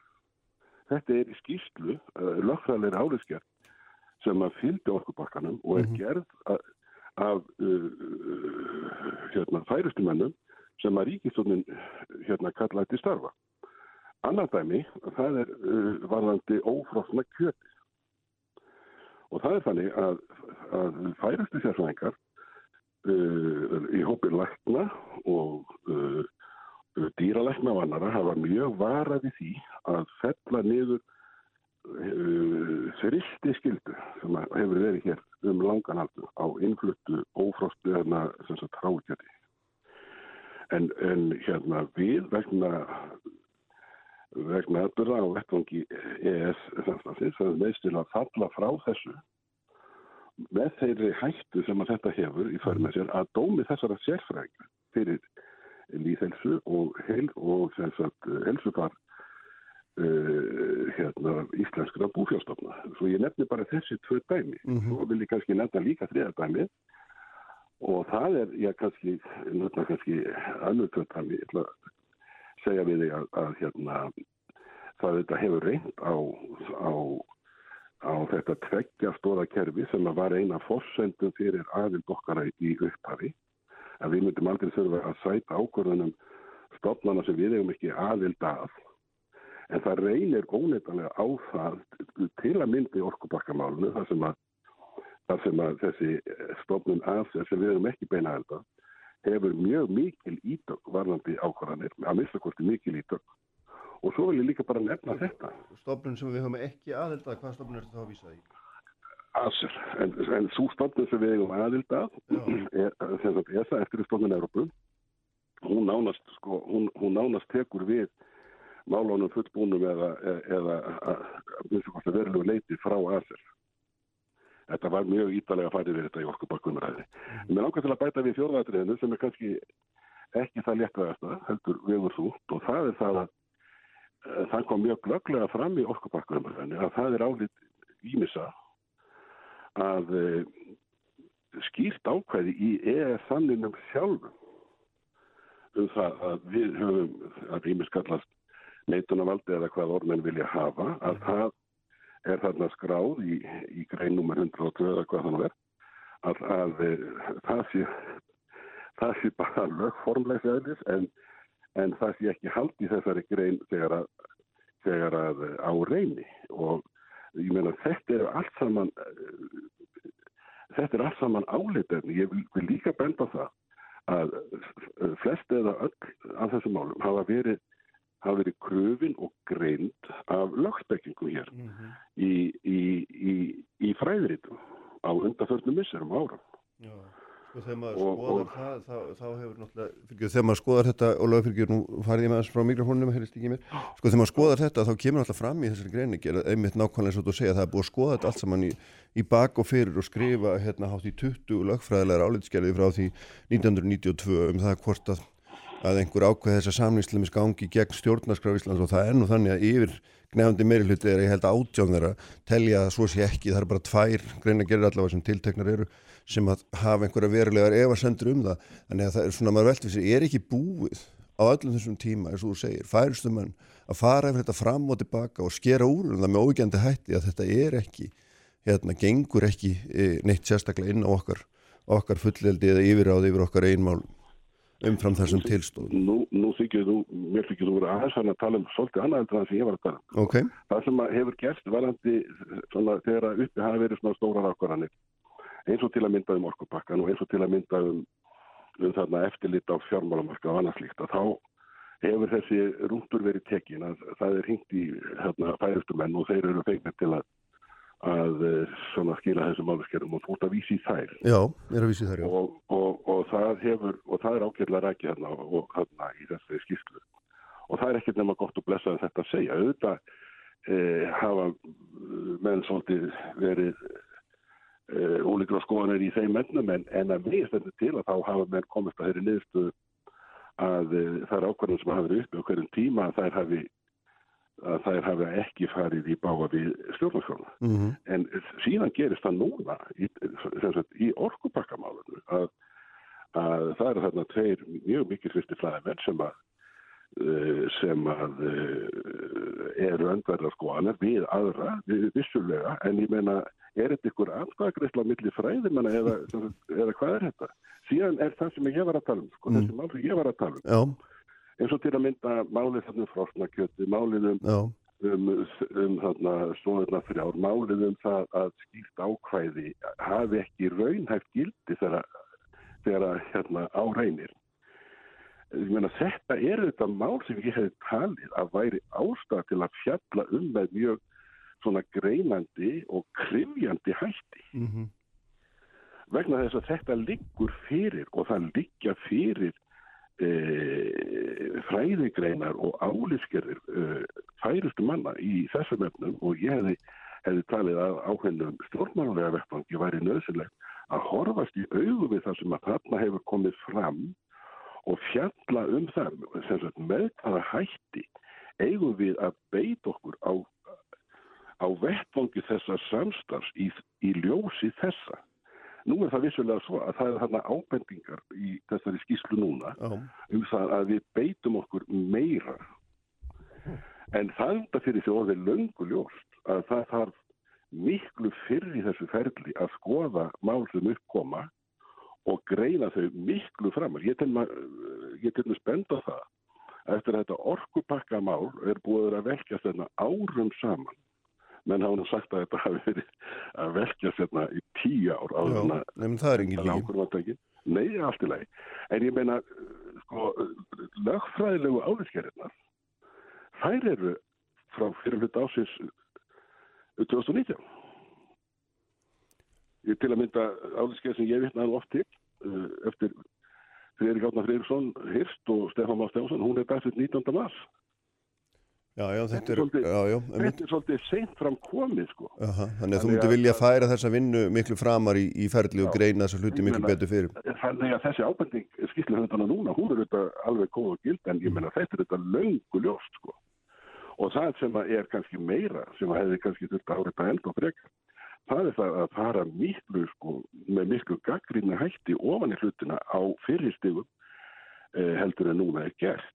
Ég bara vil líka segja þetta sko að mér finnst ekki rétt að að eh, fjalla um uh, sko gaggrín á þessa skýslu eins og það sé ykkur krafa um ykkur úrsökn eða eitthvað slíkt úr, úr uh, hennu euróska efnaðsveiði. Hún er ekki um það, hún er bara um það að við séum með fullri meðvitund allan tíman og fylgjumst með og séum vakandi yfir okkar íslensku hagsmunum og beitum okkur samkvæmt tí. Þetta um það er þessi skýslubeini og þess vegna er þetta skýst orðað af hálfu skýslubeini. En, en einhverjar, einhverjar afleðingar hlýtur það alltaf að hafa, pólitískar afleðingar ef mann sjá hérna mikla galla á svona samningi, ég meina, vallir er að skoða þetta með það annað fyrir augum. Nei, ég menna við þetta bara verðum að, að hafa opin augu gagvar kostum og göllum. Mhm. Ég er svolítið undrandi á það því, skal ég segja það, að mér finnst eins og það sé eins konar varnartókn í þessari skýrslu. Mér er ekki kunnugt um til að mynda neyn stjórnmálasamtök sem eiga segjum fulltrúa alþingi sem að hafa það á sinni stefnu skrá að, að við hverfum úr vinnu euróska eh, efnaðs, ég, ég bara þekki það ekki, mér er algjör ókunnundu það, ég held ekki til öll þetta svo sé ekki. Samt finnst mér eins og það sé ykkur varnartókn í þessu og það sé svona verið að, að reyna að færa þetta samstarf og það sé verið að reyna að draga upp einhverja mynd uh, sem að myndi blasa við okkur ef að þessa samstarf smiti ekki við Mhm. og það er aldrei sérkjörlum hætti, maður er vittnaðið með skýrtlun á einu stað þá er, þá er hérna, einhver fullinni þarna að án EES-samlisins, eins og það sé ykkur sérstakur kostu, það er engin að beita sig fyrir því að við séum án EES-samlisins. Mhm. Það er enginn að beita sig fyrir því þannig að þú myndir þá uh, útiloka umræðan að stórum hluta um orkupakkamáli hafi uh, svona verið einhvers konar allaga að honum. Ég, fyllir á það, að það er ekki vegna þess að umræðinu um orkupakkamáli var um orkupakka. Mhm. Já, já, hann Og- tengist nú þessu samstarfu mjög og byggir á því, ekki Já, en, satt? en, en jú, jú, ég veit, mér er alveg, ég ger mér alveg grein fyrir því að það er einhverju sem að, sem að sáu sér einhverja pólitíska hagsmunni því að, að ránglega eigna uh, þeim sem að beittu sig gegn orkupakkana, minnskosti, minnskosti þingmennunum sem það gerðu, að, að hérna, að, eh, að, að þeir væri með einhverja með einhverja svona leinidaskrá sem að upplýst ekki um um það að fara út af þessu samstarfi, ég kannast ekki við það. Mhm. En ég, þetta sem ég ætla að vitna að því, það segi að það er einhver fullurinn um það að án EES-samlisins er þið hætta á einangrun, stöðnun og afturför í þjóðlífin öllu. Mhm. Sko, af hverju erum við að grípa til svona stórirða? Ég meina, hvert er tilefni, ég skil þetta ekki. Svo ég sé nú bara alveg hreinskilin og einlega þetta. Já, þannig að, að, hérna, að því að þú segir þá það, á móti að það sé, það sé enginn að byggja um það að við verðum án EES-samlýsing, þú vilt bara hérna, leggjast yfir það ef það er einhver ókosti við hann og þeir verið þá lagfæri, það, þá skiljið þið þannig réttið eða hvað? að sjálfsögðu verður við í svona mikilvægu samstarfi sem að hefur alls konar afleðingar hægri vinstri. Að sjálfsögðu verður við að vera okkur vel meðvituð um kosti og galla. Við verðum ekki að við verðum ekki að starfað innan þessa uh, samstarfs á grundvelli fullra vittnesku og hérna, meðvitundar um það hvar eru hérna, styrkleikar og hvar eru veikleikar ég er búin að nefna nokkra veikleikar hérna Aha. sem að ég tel að kalli hér á ítalega þjóðfélagslega umræðu og greiningu. Já, en nú er þetta þannig að þessi skýsla er meðal annars byggð á viðtölum við, á vel á annað hundra manns og, hérna, og, og, og skoðunum þeirra og, og fólks úr verklæðisreifingu og atvinnurauðarreifingu og svo framvegis og, þarna, og það kemur eiginlega hvergi eh, nokkurt stigðariði fram að, heiti geti og, og þegar maður les skýsluna í heilsinni og, og hérna því ég ætla nú að halda því fram ég hef lesið hvert einasta orð en þá er þá tótnin sá að byggt á gögnum og þessum viðtölum sem sagt rannsók þá í grunninn þá séu þetta þannig að kostirnir séu hérna yfirgnefandi og maður getur þetta bara sjálfur dreyið þá álygtun af efninu sem fram kemur er það ekki? Ég er, ég er bara ekki alveg svona, svona samfæðið sem þú mín. Nei. Ég vil nú fyrst að nefna það að mér finnst nú heimilda sko notkonni þessari skýrslu ábútavann. Og það er ekki hægt að átta sig á því hvað er undir frá hverju. Uh, uh, þannig að, uh, og það er erfitt að sannreina fullir ykkar eins og þetta sko með vegna þess að það skortir vísan í heimildir. Mm -hmm. Sko ég gerir mér ekki annað í huglund heldur en eða mér þetta ekki þannig hug heldur en að, að í, í þessum hópi þetta er þarna vel og annað hundra manns að það sé nú alls konar svona sjónamið og spurningin er ekki um það hvort það sé bara rjóma og okn og allir vola ánæður og sáttir. Það getur þetta ekki verið að það hafi sko staðið þarna upp úr öllum mönnum. Auðvitað eru þarna veiklikar sem að auðvitað leina sér ekki búin að nefna hérna skýr dæmi.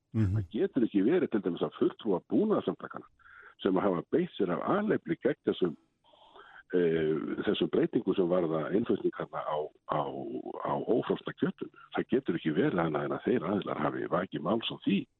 Þetta er bara ekkit annað í hug. Mm -hmm. Svo ég nefni bara svona sem eitt, eitt, eitt hérna dæmi. Já. Mér finnst þetta ekki um það að við séum bara öll í einhverju öll í einhverju núvitund og einhverju svona, í einhverju bara samliðin og vera bara voðalega ána og glöð og hafmyggsam með hana samlið. Við verðum að horfast í auðvitað við veikleikana í samliðinu Mhm. og takast á við þá og beit okkur samkvæmt því og það er það sem vantar í þessa skýslu. Þetta er, sko, okkur vantar ekki einhverja halleluja samkomu. Mm -hmm. Í auðvitað er þessi samlingur mjög merkilegu samlingur og, og hérna ég fyrir, mig, fyrir mína part er stutt hennan samling frá fyrsta degi og geri. En, en hérna við hérna verðum að vera við verðum að hérna, vera greinandi og kakgrínandi þegar að svona miklir hagsmunir eru undir eins og í þessum samling Þú saðir hérna í upphjálar að það, hérna, þetta er mitt að greina og krifja þetta til merkjar og, og, og það, svo, svo, eð, það sem út úr þeirri vinnu kæmi þetta að grundvöldur að stefnumótun. Og þess vegna hef ég áhuga að spyrja þig sko, hérna, hvers konar stefnumótun? Hvert ætti hún að leiða okkur ef þú ert búin að segja að þú viljir ekki fara út úr þessu en hvert á þú slík stefnumótun að leiða okkur þá? Ég, það, það sem ég á við þetta með því er fyrst og fremst hvernig, hvernig við beitum okkur á vettvangi uh, þessa samstarf. Sko, við erum þannig með sammelega vettvang sem er uh, samstarf eftaríkjana annars vegar og það er spurning hvernig við beitum okkur á þeim vettvangi og síðan er það uh, hvernig við beitum okkur sem sagt gagvart Európa-sambandinu sjálfu. Og ég meina það á þessu eru þetta fjölmarkar líðar og, og hérna Eh, mér finnst alveg nöðsynlegt að við eh, séum okkur meðvituðu það og við séum alltaf vakandi fyrir því hvernig við gætum íslenskra hagsmuna í þessu samstæði. Um það snýst málið í mínum huga fremst. Ljómandi gott, og sjáum svo til, nú kemur þetta til kasta þingsins vantarlega því skýrslafinu rætt og þá sjáum við hérna hvernig þessu vindur fram öllu saman. En ég finnst þú nefndi þetta þá kannski mætti ég lúka með því að segja að ég hlýtu þetta að sko ég hlýtu þetta inn að fórsetta alþingis eftir því hvernig maður beiti sér þegar maður er búin að fá samþýtta skýrslubeini hér í þrýgang Mm og svo kemur það fram bæði í erinsfriði ráðfyrra og í aðfara orðin formans nefndana sem var, var beikið til að skrifa þessa skýrslu að, að í raun og sannig er ekki verið að fara að vinna skýrsluna eftir, eftir því sem að skýrslubeinin hljóðar upp á. Þannig að það er spurning hvort að í raun og veru hafi við með þessari skýrslu svo ágætt sem hún er auðvitað mörgu leiti hvort að hafi verið komið til móts við þá beini sem alþingi hefur samþýtt í þrýkam. -hmm. Ljómandi gott, hérna, það verður forðan að fylgjast með því hvernig, hvernig hérna, þessu vindur fram eins og ég saði hann. Takk fyrir þetta Ólafur, takk fyrir að vera með mér í dag Takk að þér. og við höldum áfram þetta augnablík hérna, Hilmar Þór Hilmarsson sem er prófessor við Háskólan og Akureyri verður hérna hjá mér. Uppspretta frétta á Sprengisandi á Bylgjunni. Sprengisandur, alla sunnudaga á bylgjunni. Sælir eftir hlustendur, þá erum við hér á svona loka sprettinum á Sprengisandurum í dag. Þetta, uh, hér átti ég samtal við Ólaf Íslensson, aldrei um, um þessa nýju skýslu um, um, um uh, EES-samningin og áhrif hans í aldar fjörðung, ef svo má segja. Þetta, hérna, viða, mikið viðhómsefni. Uh, en í símanum hjá mér núna, norðan úr landi, er Hilmar Þór Hilmarsson sem er prófessor við Háskólan á Akureyri. Sæl Hilmar. Sæljastu, góðan dag. Góðan daginn, daginn. Sko, þú hefur hérna, þú hefur aldrei verið að sérhæfaði í svona í efnars- og stjórnmálum Östur-Európu og, og skrifaði bókum fjármálakreppun og eftirmál hennar í Eistrasaltslöndunum og, og reynda með samanbyrðu við Norðurlandin og svo ertu, hefur núna verið að hérna, að skoða málumni Úgrænu og Póllands og það er svona aldrei áhugavert að því Úgrænu er nú ekki oft í fréttum hjá okkur svo mjög mikið og, og hérna en þá eitthvað en núna sérstaklega auðvitað vegna, vegna samskipta þeirra þeirra Trumps og, og Selenskis uh, það sem, að, hérna, sem hugsanlega geta leitt til þess að bandrikforsti verður ákjærðu til embættismissis uh, sko það sem er svona forvitnilegt að þú ert nýkomin hérna frá Úgrænu að merkilegt að að verða vitna því að bandrækjaforsti bara ofinbella, hann, hann skyrrist ekki við að viðkjanna að það hefði ringt í kollega sinni í, í hérna eða forðamann Úgrænu og, og bara hóta á hann beinlega því að hann fengi ekki peninga og hann gerði hann ekki greið af. Og þetta sýnir okkur alltaf svona er það ekki hvað stöðu þessi þjóð er í svona efnarslega og hérna og þarna við hlýðir Úslands og allt það Jú, sko, hans til að þetta land er ekki mikið í fréttum eins og þú varst að í að og hérna venjulega en núna kemur þetta út af þessu samtali mellir fórstölduna en hérna þannig að vera að nýta neyðarast og í pólitíski tilgangi. Þannig að Úkræna var í fréttum síðast þegar 2014 þegar Rúsa tóku Krimskan og, og síðan hafa látist 13 mannsarna vegna þessar átaka sem hérna í östuluta Úkrænu og það er kannski ekki mikið fjallað um það. En, en það, það er alveg rétt sem segir að Úkræna er ítlastöld og er mjög háð háð bandaríkjónum og Európa-samandinu og bara háð vesturlöndum um aðstof Alþjóðabanki til dæmis áætlara til þurfi á næstu trefnum árum 4.000 miljardar íslenska króna til þess að bara halda gangandi ríkisfjármánunni hjá sér og borga skuldir. Þannig að þeir eru landi er ítla að starta þessu leiti mm. það er vísi ekki skuldugt ekki mjög skuldugt í heil sem hlutallega verkefni landsfæmislu í heilsinni en bara þessu skamtíma skuldur það er það sem gerir en eða fyrir og það er alveg ljóst að Úkræna þarf að aftur bandaríkjana að halda. Og ekki bara þessi peningastu sem kemur frá bandaríkjanum heldur er Úkræna líka í þeirri stöðu að hún, að hún þarf að sækja til aðla til allstöðagjaldið en líka allstöðabankans fjárhastastóð og það náttúrulega eru bandaríkjum en mjög ráðan þetta eru báðastofnandar eru í Washington DC Já. og eru mjög bandaríkjum eru mjög ráðan þannig að það er ekki bara tísið tísið aðstóð og svo notaði Donald Trump líka samtalið, samtalið við fórsetta Ukrænu til þess að hann gerir stundum að gera lítið úr sínum helstu bandamenn í Evrópu mm. og saði við fórsetta Ukrænu að þeir gerði ekkert annan að tala og tala og gerði ekki neitt og eða lítið og ekkert og það, út, undir það tók fórsetta Ukrænu sem náttúrulega vandrarlegt fyrir hann líka mm, mm. En það, það er þannig að það, það má vel segja að þeir svona Það er hægur leikur fyrir bandrækjaforstið þessi tilviki að sko að hérna, setja þumarskrúðunar á fórsetta Úgrænu og hérna að fá andlega að gera hvað sem er því að eins og nefnir að, að hérna, landi er ekkert með komið þá stöð að það er meira minna háð erlendri aðstof bæði þetta svona pólitíst en líka efnarslega. Mjög, mjög háðið, bæði pólitíst, efnarslega og náttúrulega líka varandi, varandi vott er, er Úkræna mjög háð þessum, þessum löndum og það er aðsifist þegar þú skoðar, þú nefndir að þú veist að kynna að þetta er Póland og Úkræna mm. að Pól, hvernig Póland hefur tekist miklu betur til, Póland var þegar Úkræna og Póland, þegar Úkræna fór frá Sáðuríkjum 91, þá var Úkræna ríkara landa í þjóðdækjum að mann heldur en Póland. Nú er Póland meirinn þrýsa sem er ríkara og hlutin hafa farið mjög úrskeiðs í Úkrænu og það alþjóðbankinu áættar að taki Úkrænu 50 ára að ná, ná Pólandi í þjóðdækjum að mann nú er þetta hagvöxt og 100 ára að ná, að ná Þískalandi og þetta leiðir til þess að Úkræna hefur farið úr 52 miljónum 91 í 42 miljónir það er mist 10 miljónir manna og landi er í mjög erfiðri stöð mm.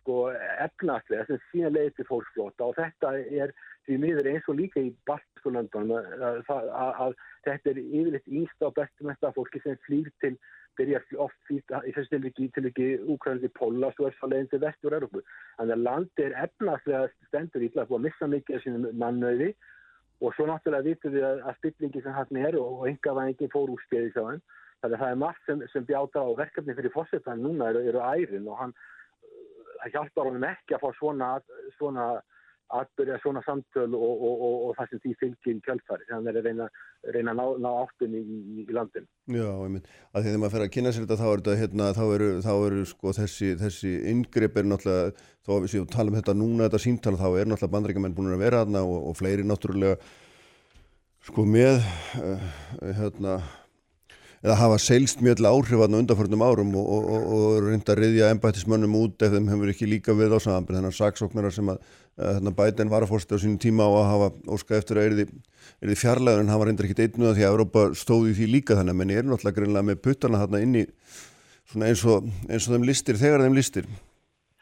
Já, ég held samt sko að, Úkræna hernaðlega skiptir bandaríkin, bandaríkin ekki mjög miklu máli. Það skiptir Európa miklu máli, Európa sambandi, en sko, ég held að bandaríkin séu aðalega hugsa um sko, þegar hernaðlega séu efnaðslega séu þeir aðalega hugsa um Östur-Asju, Asju og náttúrulega út af, út af, Kína og síðan löndi fyrir botnið meðarhafs út af olíu. Úkræna er ekki eftir mikilvæg. Samt hafa bandaríki komið mjög mikið að þróun í Úkrænu og, og, og að þér virðist frekar óheftulega í sömum tilvikum. Sko 94 hafa alltaf bútavest með varandum skrif uh, gert millir bandaríkjana og brettar komaði líka. Og frakkar endar, frakkar og kynverjar og rússar sem koma því að, kjarnagófn Úkrænu sé, eitt og Úkrænu verið kjarnagófn með land sem út af fyrir sig var, var ákveði skref fyrir Úkræna en það, það veikt Úkrænu pólitist og það kom lofur þarna í, í staðin fyrir þetta átti Úkræna átti að tryggja öryggi Úkrænu og Úkræna heldi sínu landamæri. Mm -hmm. síðan er þetta, þetta svikið eins og veistu þetta 14 Já, og aðdraðandina því er það að 2008 þá var, þá var NATO með, með Búkarist Summit það sem að hérna var talað um það bæði Úkræna og Georgia myndu fara inn í NATO. Og rúsar þóla það alls ekki og vilja alls ekki fá Úkrænu inn í NATO. Og það var eiginlega fyrirsjánlegt að, að, að rúsar myndi gera eitthvað stígi innráð sem gerði innráð 2008 í, í Georgiu og svo 2014 í, í, í Úkrænu. Þetta var eiginlega fyrirsjánlegt að rúsar myndi að þætta sig við þetta og, og þetta má segja að þetta hafi verið klauvalega gert af bandaríkjum verðbærsöldunum að stíga þetta skref mm. þegar að þegar að þegar mátti vita rúsa væri tilbúin að beita hernaði á meðan að því að bandaríkin og Európa-sambandi eru, eru aðalega að beita einhvern tristingi viðskiptaþingunum sem er ekkert að skila neinum árang þau eru ekki tilbúin að fara í alveg átök við Rúsland um Úkrænu og, og þá lendir Úkræna milli austus og vestus þetta verður eitthvað svona austur-vestur samkeppni Rúsland annars verð og svo Európa-sambandi og bandaríkin hins verð og Úkræna klemt á milli og kemst ekki nokkuð skapaðan hlut Já, hún er, er, hún er bara svona leiksoppur í þessum svona þessu tabli. Já, og þá er spurningi hvað, hvað gerist, gerist næst í þessu máli, hvað, hvað er hægt að gera í þessu. Ég hérna, uh, sko, uh, hvort á, sko, fyrsta, fyrsta, sko, nú getur maður þessi skilið en maður horfir á, á, á landakort og hugsaður um stöður rússar. Rússar náttúrulega, þetta, er algjörlega þetta er laung landamæri við Úsland, þetta er mjög ná og ef, ef Úkrænu er orðin hluti af NATO þá er, þá er hérna, NATO komið mjög nálagt Moskvu mm -hmm. og það er alveg skilinægt að rússar, ég er ekki afsaka rússa og Putin, ég, meina, ég er ekki að afsaka það, ég er bara að segja að það er mjög skilinægt að rússar séu mjög uppbændi að fá NATO alveg svona gerðsamlega nálagt sér, nálagt Moskvu Og, og, og, og þeir sögðu það strax þegar á Búkarest, eftir Búkarest fundið 2008 að þeir myndi ekki þóla þetta mm. og hérna þá er spurningin hvað gerir Úkræna? Úkræna er mjög, mjög skipt land, fólkið í austurinu við, hérna, við tilhera frekar verið í sambandi við Úsland, fólkið í vesturinu sem við tilhengilsum frekar verið í tengslu við NATO og Európa-sambandi Og, og hérna þannig að landi er klófið en samt vilja flestir líka í landinu að landi sé, skiptist ekki trend, mm. vilja samt halda því saman. Og við vitum það að það er þessu átök og það, það er engin löst í sjónmáli. Þess að það kannski vakna spurningar hvort að hægt sé að, að Úkræni verði í frekar hlutlösland sem að, sem að fái aðstof frá bandaríkjunum og frá Europasambandinu, frá Alþjóðabankanum og frá Alþjóðagjaldvisjónum og að rússar hætti erjum frekar en að það sé haldið áfram með, með, með, með þessum hætti að landi sé, sagt, í ykkur svona samkettinu því sem beitt er svona eitthvað svona, svona sleggju í hérna eða hamri í, í þessum, þessum hérna, samskiptamálum. Já það er í sjálfældu vegna þegar við erum að tala um að, tala um á sko, að, um, að hérna, fólkið, þeir eru búin að missa 10 miljónir manna Já. og svo er austurlutin þannig að hann vil tengjast vera Úslandi ef við höldum svona áfram með svona lágum hagvesti, jáfnveil neikvæðum hagvesti ég meina Úkræna 2008 til dæmis í krunni 2008 þá fjall þjóðafræmislega hjá þeim niður 15% og hjá okkur á Íslandi verður þetta 9% og okkur þóttir þannig alveg nóg. Mhm. og séum Ísland 15% og aftur þegar kringskæðin í tekin þá fættur hún aftur 16% þannig að sko landi hefur, hefur ekkert verið að vaksa undan þarna áratígi ef þetta heldur svona áfram því að það verður engin, það er, það er, það er engin hagvörslu þá endar það endar kannski með því að fleir og fleira fólk flýr uh, úr vestur hlutanum til Európa-sambansins, til Pólans og svo til Þískalands og annara ríkja. Og, og svo í vestur hlutanum þá munu þá munu hérna uh, þá munu fleiri og fleiri aðila, fleiri og fleiri vilja tengjast Rúslandi nánari böndum af því að þjóðatekjur og manni í Rúslandi eru miklu herrin í Ukrænu mm að- um þrísum herri þannig að, að þá, þá getur landi klopna og ég held að það sé ekki gott fyrir, korki fyrir Úkræni eða fyrir nokkuð aðila sem þetta kemur að. Mm Við skulum hérna Hilmar gera, gera östutli og höldum svo áfram eftir, eftir smá stund Já, takk. Sprengisandur. Alla sunnudaga á bylgjunni. á Sprengisandurum í dag uh, Hilmar Þór Hilmarsson, professor við Háskólan Akureyri í símanum, við erum að ræða málumni Úgrænu, land sem er nú ekki mikið í fréttum en hefur auðvitað komist í heimsfréttina núna út af þessu sögulega samtali þeirra fórstaðan tvekja, Bandarík fórstá og fórseta Úgrænu þar sem að hérna, fórseti Bandaríkina hótaði beint og ónbeint hérna, og svo sem skýrist ekki við að við kenna að hérna, hann hefur tengt saman tengt saman rannsókn á pólitískum aðstæðingi og framlægi til framlægi til uh, hernaðamála í Úkrænu, framlægi bandarækjumann allir hernaðamála í, í Úkrænu eh, Hilmar, hérna, nú ertu búin nýbúin að nýkomin frá Úkrænu og það sem er svona áhugavert líka því nú erum við búin að tala um þetta svona í þessu stóra heims samhengi einhvern megin og svona, hérna, láta eins og löndsju sjálfstæðir gerendur. En, en sko, fólki sjálft ég meina, finnst fólki einhvern megin það vera er fólk að tala um þessa stöðu sína eins og við köllum hérna, en þessa leiksop stöðu og finnst því það vera yfirgefið? Eða hvernig svona, hvernig lastu það? Já, og ég, ég sagði það þá, náttúrulega er landið, það er svolítið ekki hvarf og eftir landinu hvaða viðþorf eru þarna. Ég held að fólki finnist landið vera, vera svolítið gleitt og, og eins og eitthvað sem no one cares, það er með sama um okkur og hérna, eh, þannig að ég held að það sé svolítið svo, svo tilfinning hjá fólki að hérna, að, að það sé, það, það sé og, og, og, og, og gaggrinn og örbusambandi að það tali og tali en, en ger ekki neitt og svo bandaríkinn að koma hægt um afskipti. Þarna voru eitthvað 400 miljónum dólar sem bandaríkinn menn ætluð að láta Úkræna hafa. Mm. við erum að hafa samt í huga þessar tölu sem við erum að nefna þessu 400 miljónum dólara þetta eru innan við 10 dólarar á mann í landinu á einu ári. Mm -hmm. og þetta eru innan við 1 dólar á, bandaríkinn menn ári þetta framlega en þetta er ekki svo mikil aðstof sem er að koma hann inn. Þannig ég held að sko að, að, að, að Úgræna þarf miklu meiri aðstof til þess að, til þess að, að, að, hérna, til þess að þetta byggja landið upp þess að ég var að segja á hann þá, þá eru fjögur þúsund miljardar að falla á það á næstu þremur árum Mhm. þannig að sko ég held að, að, sko að fólki finnist finnist hérna það að vera yfirgefið og það er líka alveg spurningi sko ef að Úkræna held, ef þetta heldur að vera svona horfist í auðvitað við svona mikla óvissu. Það, það verður ekki mikil elleið fjárfesting í landinu, það verður ekki mikil uppbygging. Og þá er spurningin hver á að taka frumkvæða því að leysa máli. Mhm. Við sáum þetta þegar Janukovic 2014 þegar hann neita að skrifa til samkomlega örbusamandi þá var þessi fræga bylting. Já, og hann endaði með því að hann var að flýja land. Og fyrir fórsetta Úkrænin núna, hennan unga mann sem er hægt að tekið við hann eh, vill fara inn í NATO og hann vill eh, hérna fara inn í Europasambandið það er ekki að ganga og þá er spurningi svolítið hver á að taka frumkvæðið að því að, hérna, að, að, að, höggva á núti hvort Mm. það er Europasambandið eða alþjóðslandlega að hjálpa til við það.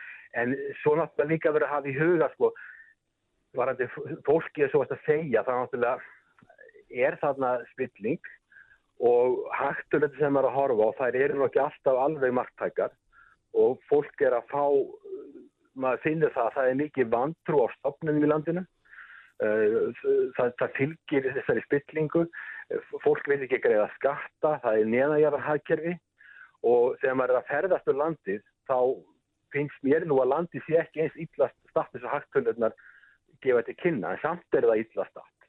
En það er vantrú á stopnunum og það sem, að, það sem hefur skapað líka mikla vantrú í landinu það að þegar að landið enga væðingarferðli hafum mísetnaðist mjög alvarlega og, hérna, og það eru til dæla fáir aðlar sem eiga flettar eignir í landinu og þetta er kannski einna að hérna, eitt af þeim vandamálum sem leiði til fólksflokk að það eru takmörku tækifæri fyrir fólki í landinu að aftapna því þegar eignaskiptingin er svona gríðalega ójöfnið sem hún er og svo þegar pólitísk áhætt er svona há þá er þeir ekki að fá mikla ellenda fjárfestingu. Sem því það, þá leiða það er ekki bara skortur á fjármagnu heldur er skortur á því að, að, að, hérna, að fá uh, sko, skortur á því að fá taknibreitingar í gegnum ellend fyrirtæk mm -hmm. í landið, mm -hmm. það er skortur á því. Þannig að það er, það er vandamál. Og svo náttúrulega annað vandamál. Hver, hver, hverjir eru kvatarnir fyrir bandaríkin og Európa-sambandið að koma úkræðin til hjálpar þeir verðast að vera mjög veikir. Já. sko, Európa-sambandi ef, ef þú er Európa-sambandi í Brussel og nú er ég ekki að segja að það séu allt saman gott fólk en ég er bara að segja það ef að, ef að fyrir þá er þetta ekkert slæm staða í sjálfu sér. Európa-sambandi eins og Fískaland sem er innríki sem er þjóð sem að eldast vantar, vantar ungt fólk. Úkræna er, er land sem er, er hérna gamalt innríki minna, þetta er gamalt yðríki þetta var uh, mjög öflugt svæði í Sovjetríkjörnum fyrir yðna þannig að það er ekkit hjálpsist land fyrir löndis og Þískaland og Örfjörðsamsins að fá þetta, þetta unga fólk yfir til sín til að vinna í vestnum þegar þjóðar er eldast sem vantar fólk til að vinna fyrir, fyrir lág laun. Mm -hmm þannig að sko e, staðan í Ukraín sem í dag og þeir eru með einhverja efnaðsvingarnir sem er ekki að virka og þess að fórsettu bandaríkinu að segja að Ukraínu Merkel talar og talar hún gerir ekki neitt mm. ok, það er kannski ekki sangjætt að segja það en allavega, það er ekki knýr Európa-samvætti til þess að fara í einhverja aðgerðir í Ukraín annan að láta þetta ganga svona, hanga svona eins og þetta er mm. nú fyrir bandaríkinu þá sé ég ekki hvaða hagsmunni bandar ekki mann hafa. Þeir eru að veita en einhver aðstöð hún er ekki mjög stór í sniðu þetta eru smáur í, í, í, í samanbyrði þá hernaðar aðstöð sem verður að veita hérna. En það er rétt að þú segir að peningandur ekki miklu en þeir leggja með umhlað pólitíska vikti þetta. Er nú daldi merkilegt líka ég menna hérna, þeir eru með sérstakann hafa verið með sko sérstakann erindrega á svona slóðum og ef mann réttir þá nú bara sjálfur varafostin með þessi með málumni Úgrænu á sínu borði í þessari stjórn Já, ég sé ekki og þetta er alveg rétt þú segir ég sé ekki sko þessar uppfæðir, ég meina uppfæðirnar sem verða að leggja eru smáur það sem verða að leggja fyrir botni miðrahafli eða jásju. Þetta skiptir Úkræna máli fyrir það en ég sé ekki að hernaðlega skipti, ég meina Úkræna skiptir álíka miklu máli fyrir, fyrir sko, fyrir hérna fyrir rúsa eins og Kanada og Mexiko fyrir bandaríkinn og getur ímyndar ef, ef að rússar eða kínverðar vera að gera eitthvað, eitthvað samkomlag eða eh, við, við, við Kanada eða Mexiko, við sáum alveg hvað gerist þegar rússar ætluði að fara, eh, fara til Kúpu, eða Sovjetrikinn ætluði að fara til Kúpu, það var allt vittlust í bandaríkinn það þeirri heimstyrjast út af því. En sko þannig að, að fyrir, fyrir, fyrir bandaríkinn þá sé ég ekki að, að, að Úkræni skipti allaveg ekki mestu máli. Asia skipti meira máli fyrir þeirra skipti meira máli og, og Úkræni skipti máli fyrir bandaríkinn en, en er, er, er svona Evrópa er nummið þrjú núna, Evrópa var eftir setni heimstjóröldina fyrir bandaríkinn uh, eh, nummer eitt var til herna og, og viðskipti en er núna kannski komið nummer þrjú. Og með Asi er orðið mikilvægari og hérna og löndu fyrir botnið svona ég sé ekki sko, ég þarf alveg rétt að Úgræna skipti máli en ég sé ekki að Úgræna skipti mjög miklu máli fyrir bandaríkinn mm. og mér finnst bara að, að, að bandaríkinn og Európa-safandi sé búið að setja Úgræni í mjög erfiða stöðu Já, og það hafa ekki auðvitað kvarta til laga. Nei, nei. og svo náttúrulega liggur þessi fræga gasleisla frá rúsum inn í Európu í gegnum Úgrænu og þarna, það er náttúrulega oft verið talað um það að það sé eina ástæðan fyrir því að hérna, menn vil ekki hrópla við neinu að því að þarna getur væri hægt að skrúa fyrir ef að Já, það er mjög mikilvæga punktur. Það, það er mjög mikilvæga punktur. Það er þess að það er hvernig Európa sambandi er háð rúsum með gas það er alvarlegt vandamál og við vitum það líka að, við skulum ekkert gleyma því að það hefur verið fréttum að fyrirvægandi kanslari Vesturðískanans, fyrirvægandi kanslari Þískanans alltaf ég segja, Já, já. hann Gerald Frötter, hann er, er, er bara í vinnu hjá rúsnesku oljufyrirtæki þannig að sko það er hagsmunir, hagsmunir hérna uh, Þískalands eru gríðana miklir að halda sæmilegum tengslum við rússa og að hafa þó að sé, það er hérna ergjur í austur Úkræni, það eru ekki mjög, það það hafa það þetta ás massa tapa lífinu, það er ekki, ekki, það er ekki, ekki, þetta er, er ekki mjög stórstríðsamt en, en það er alveg rétt það sem hún segir að það er náttúrulega þessi gasleistur frá Úslandi til Evrópu eru mjög mikilvægar og hérna og Evrópusambandi vil ha- hafa þær í lagi og það er eina ástæðan fyrir því kannski líka að, að fyrir lönd sem Þískaland og fyrir Evrópusambandi heilt þá er erfitt að beita sér gagvart, gagvart Úslandi. Já, nákvæmlega, þetta er hérna, þetta er eins og svo oft er, þetta er,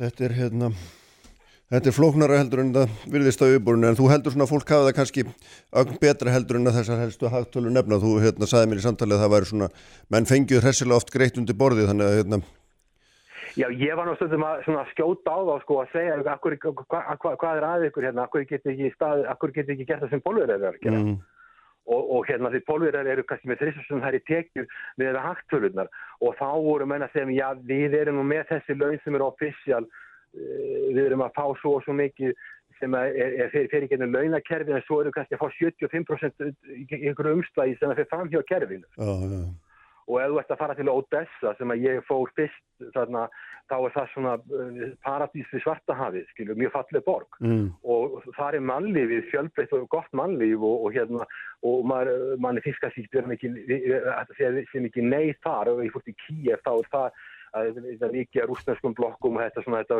Kíef er byggð á mikið mikið liti byggð á sovjetímanum og, og en það eru fallega byggingar hérna og, og það er líka uh, lítur lítur ágæðall út og, og fólki virðist hafa það sæmilegt. Eins og hef ég ekki farið í, í sveitirnar og í, í dreiftíli skilu þá getur verið aftanur mynd. Já, herðu Hilmar, hérna, nú er, nú er hérna bara, verðum við að slegja þetta gott, það er með bara að ljúk- ljúka og þú eru hérna bara, hugherlega þakk fyrir spjallið, takk fyrir þetta, Akkaði kærlega fyrir. Já, og sprengisendinu verðum við að láta lokið í dag.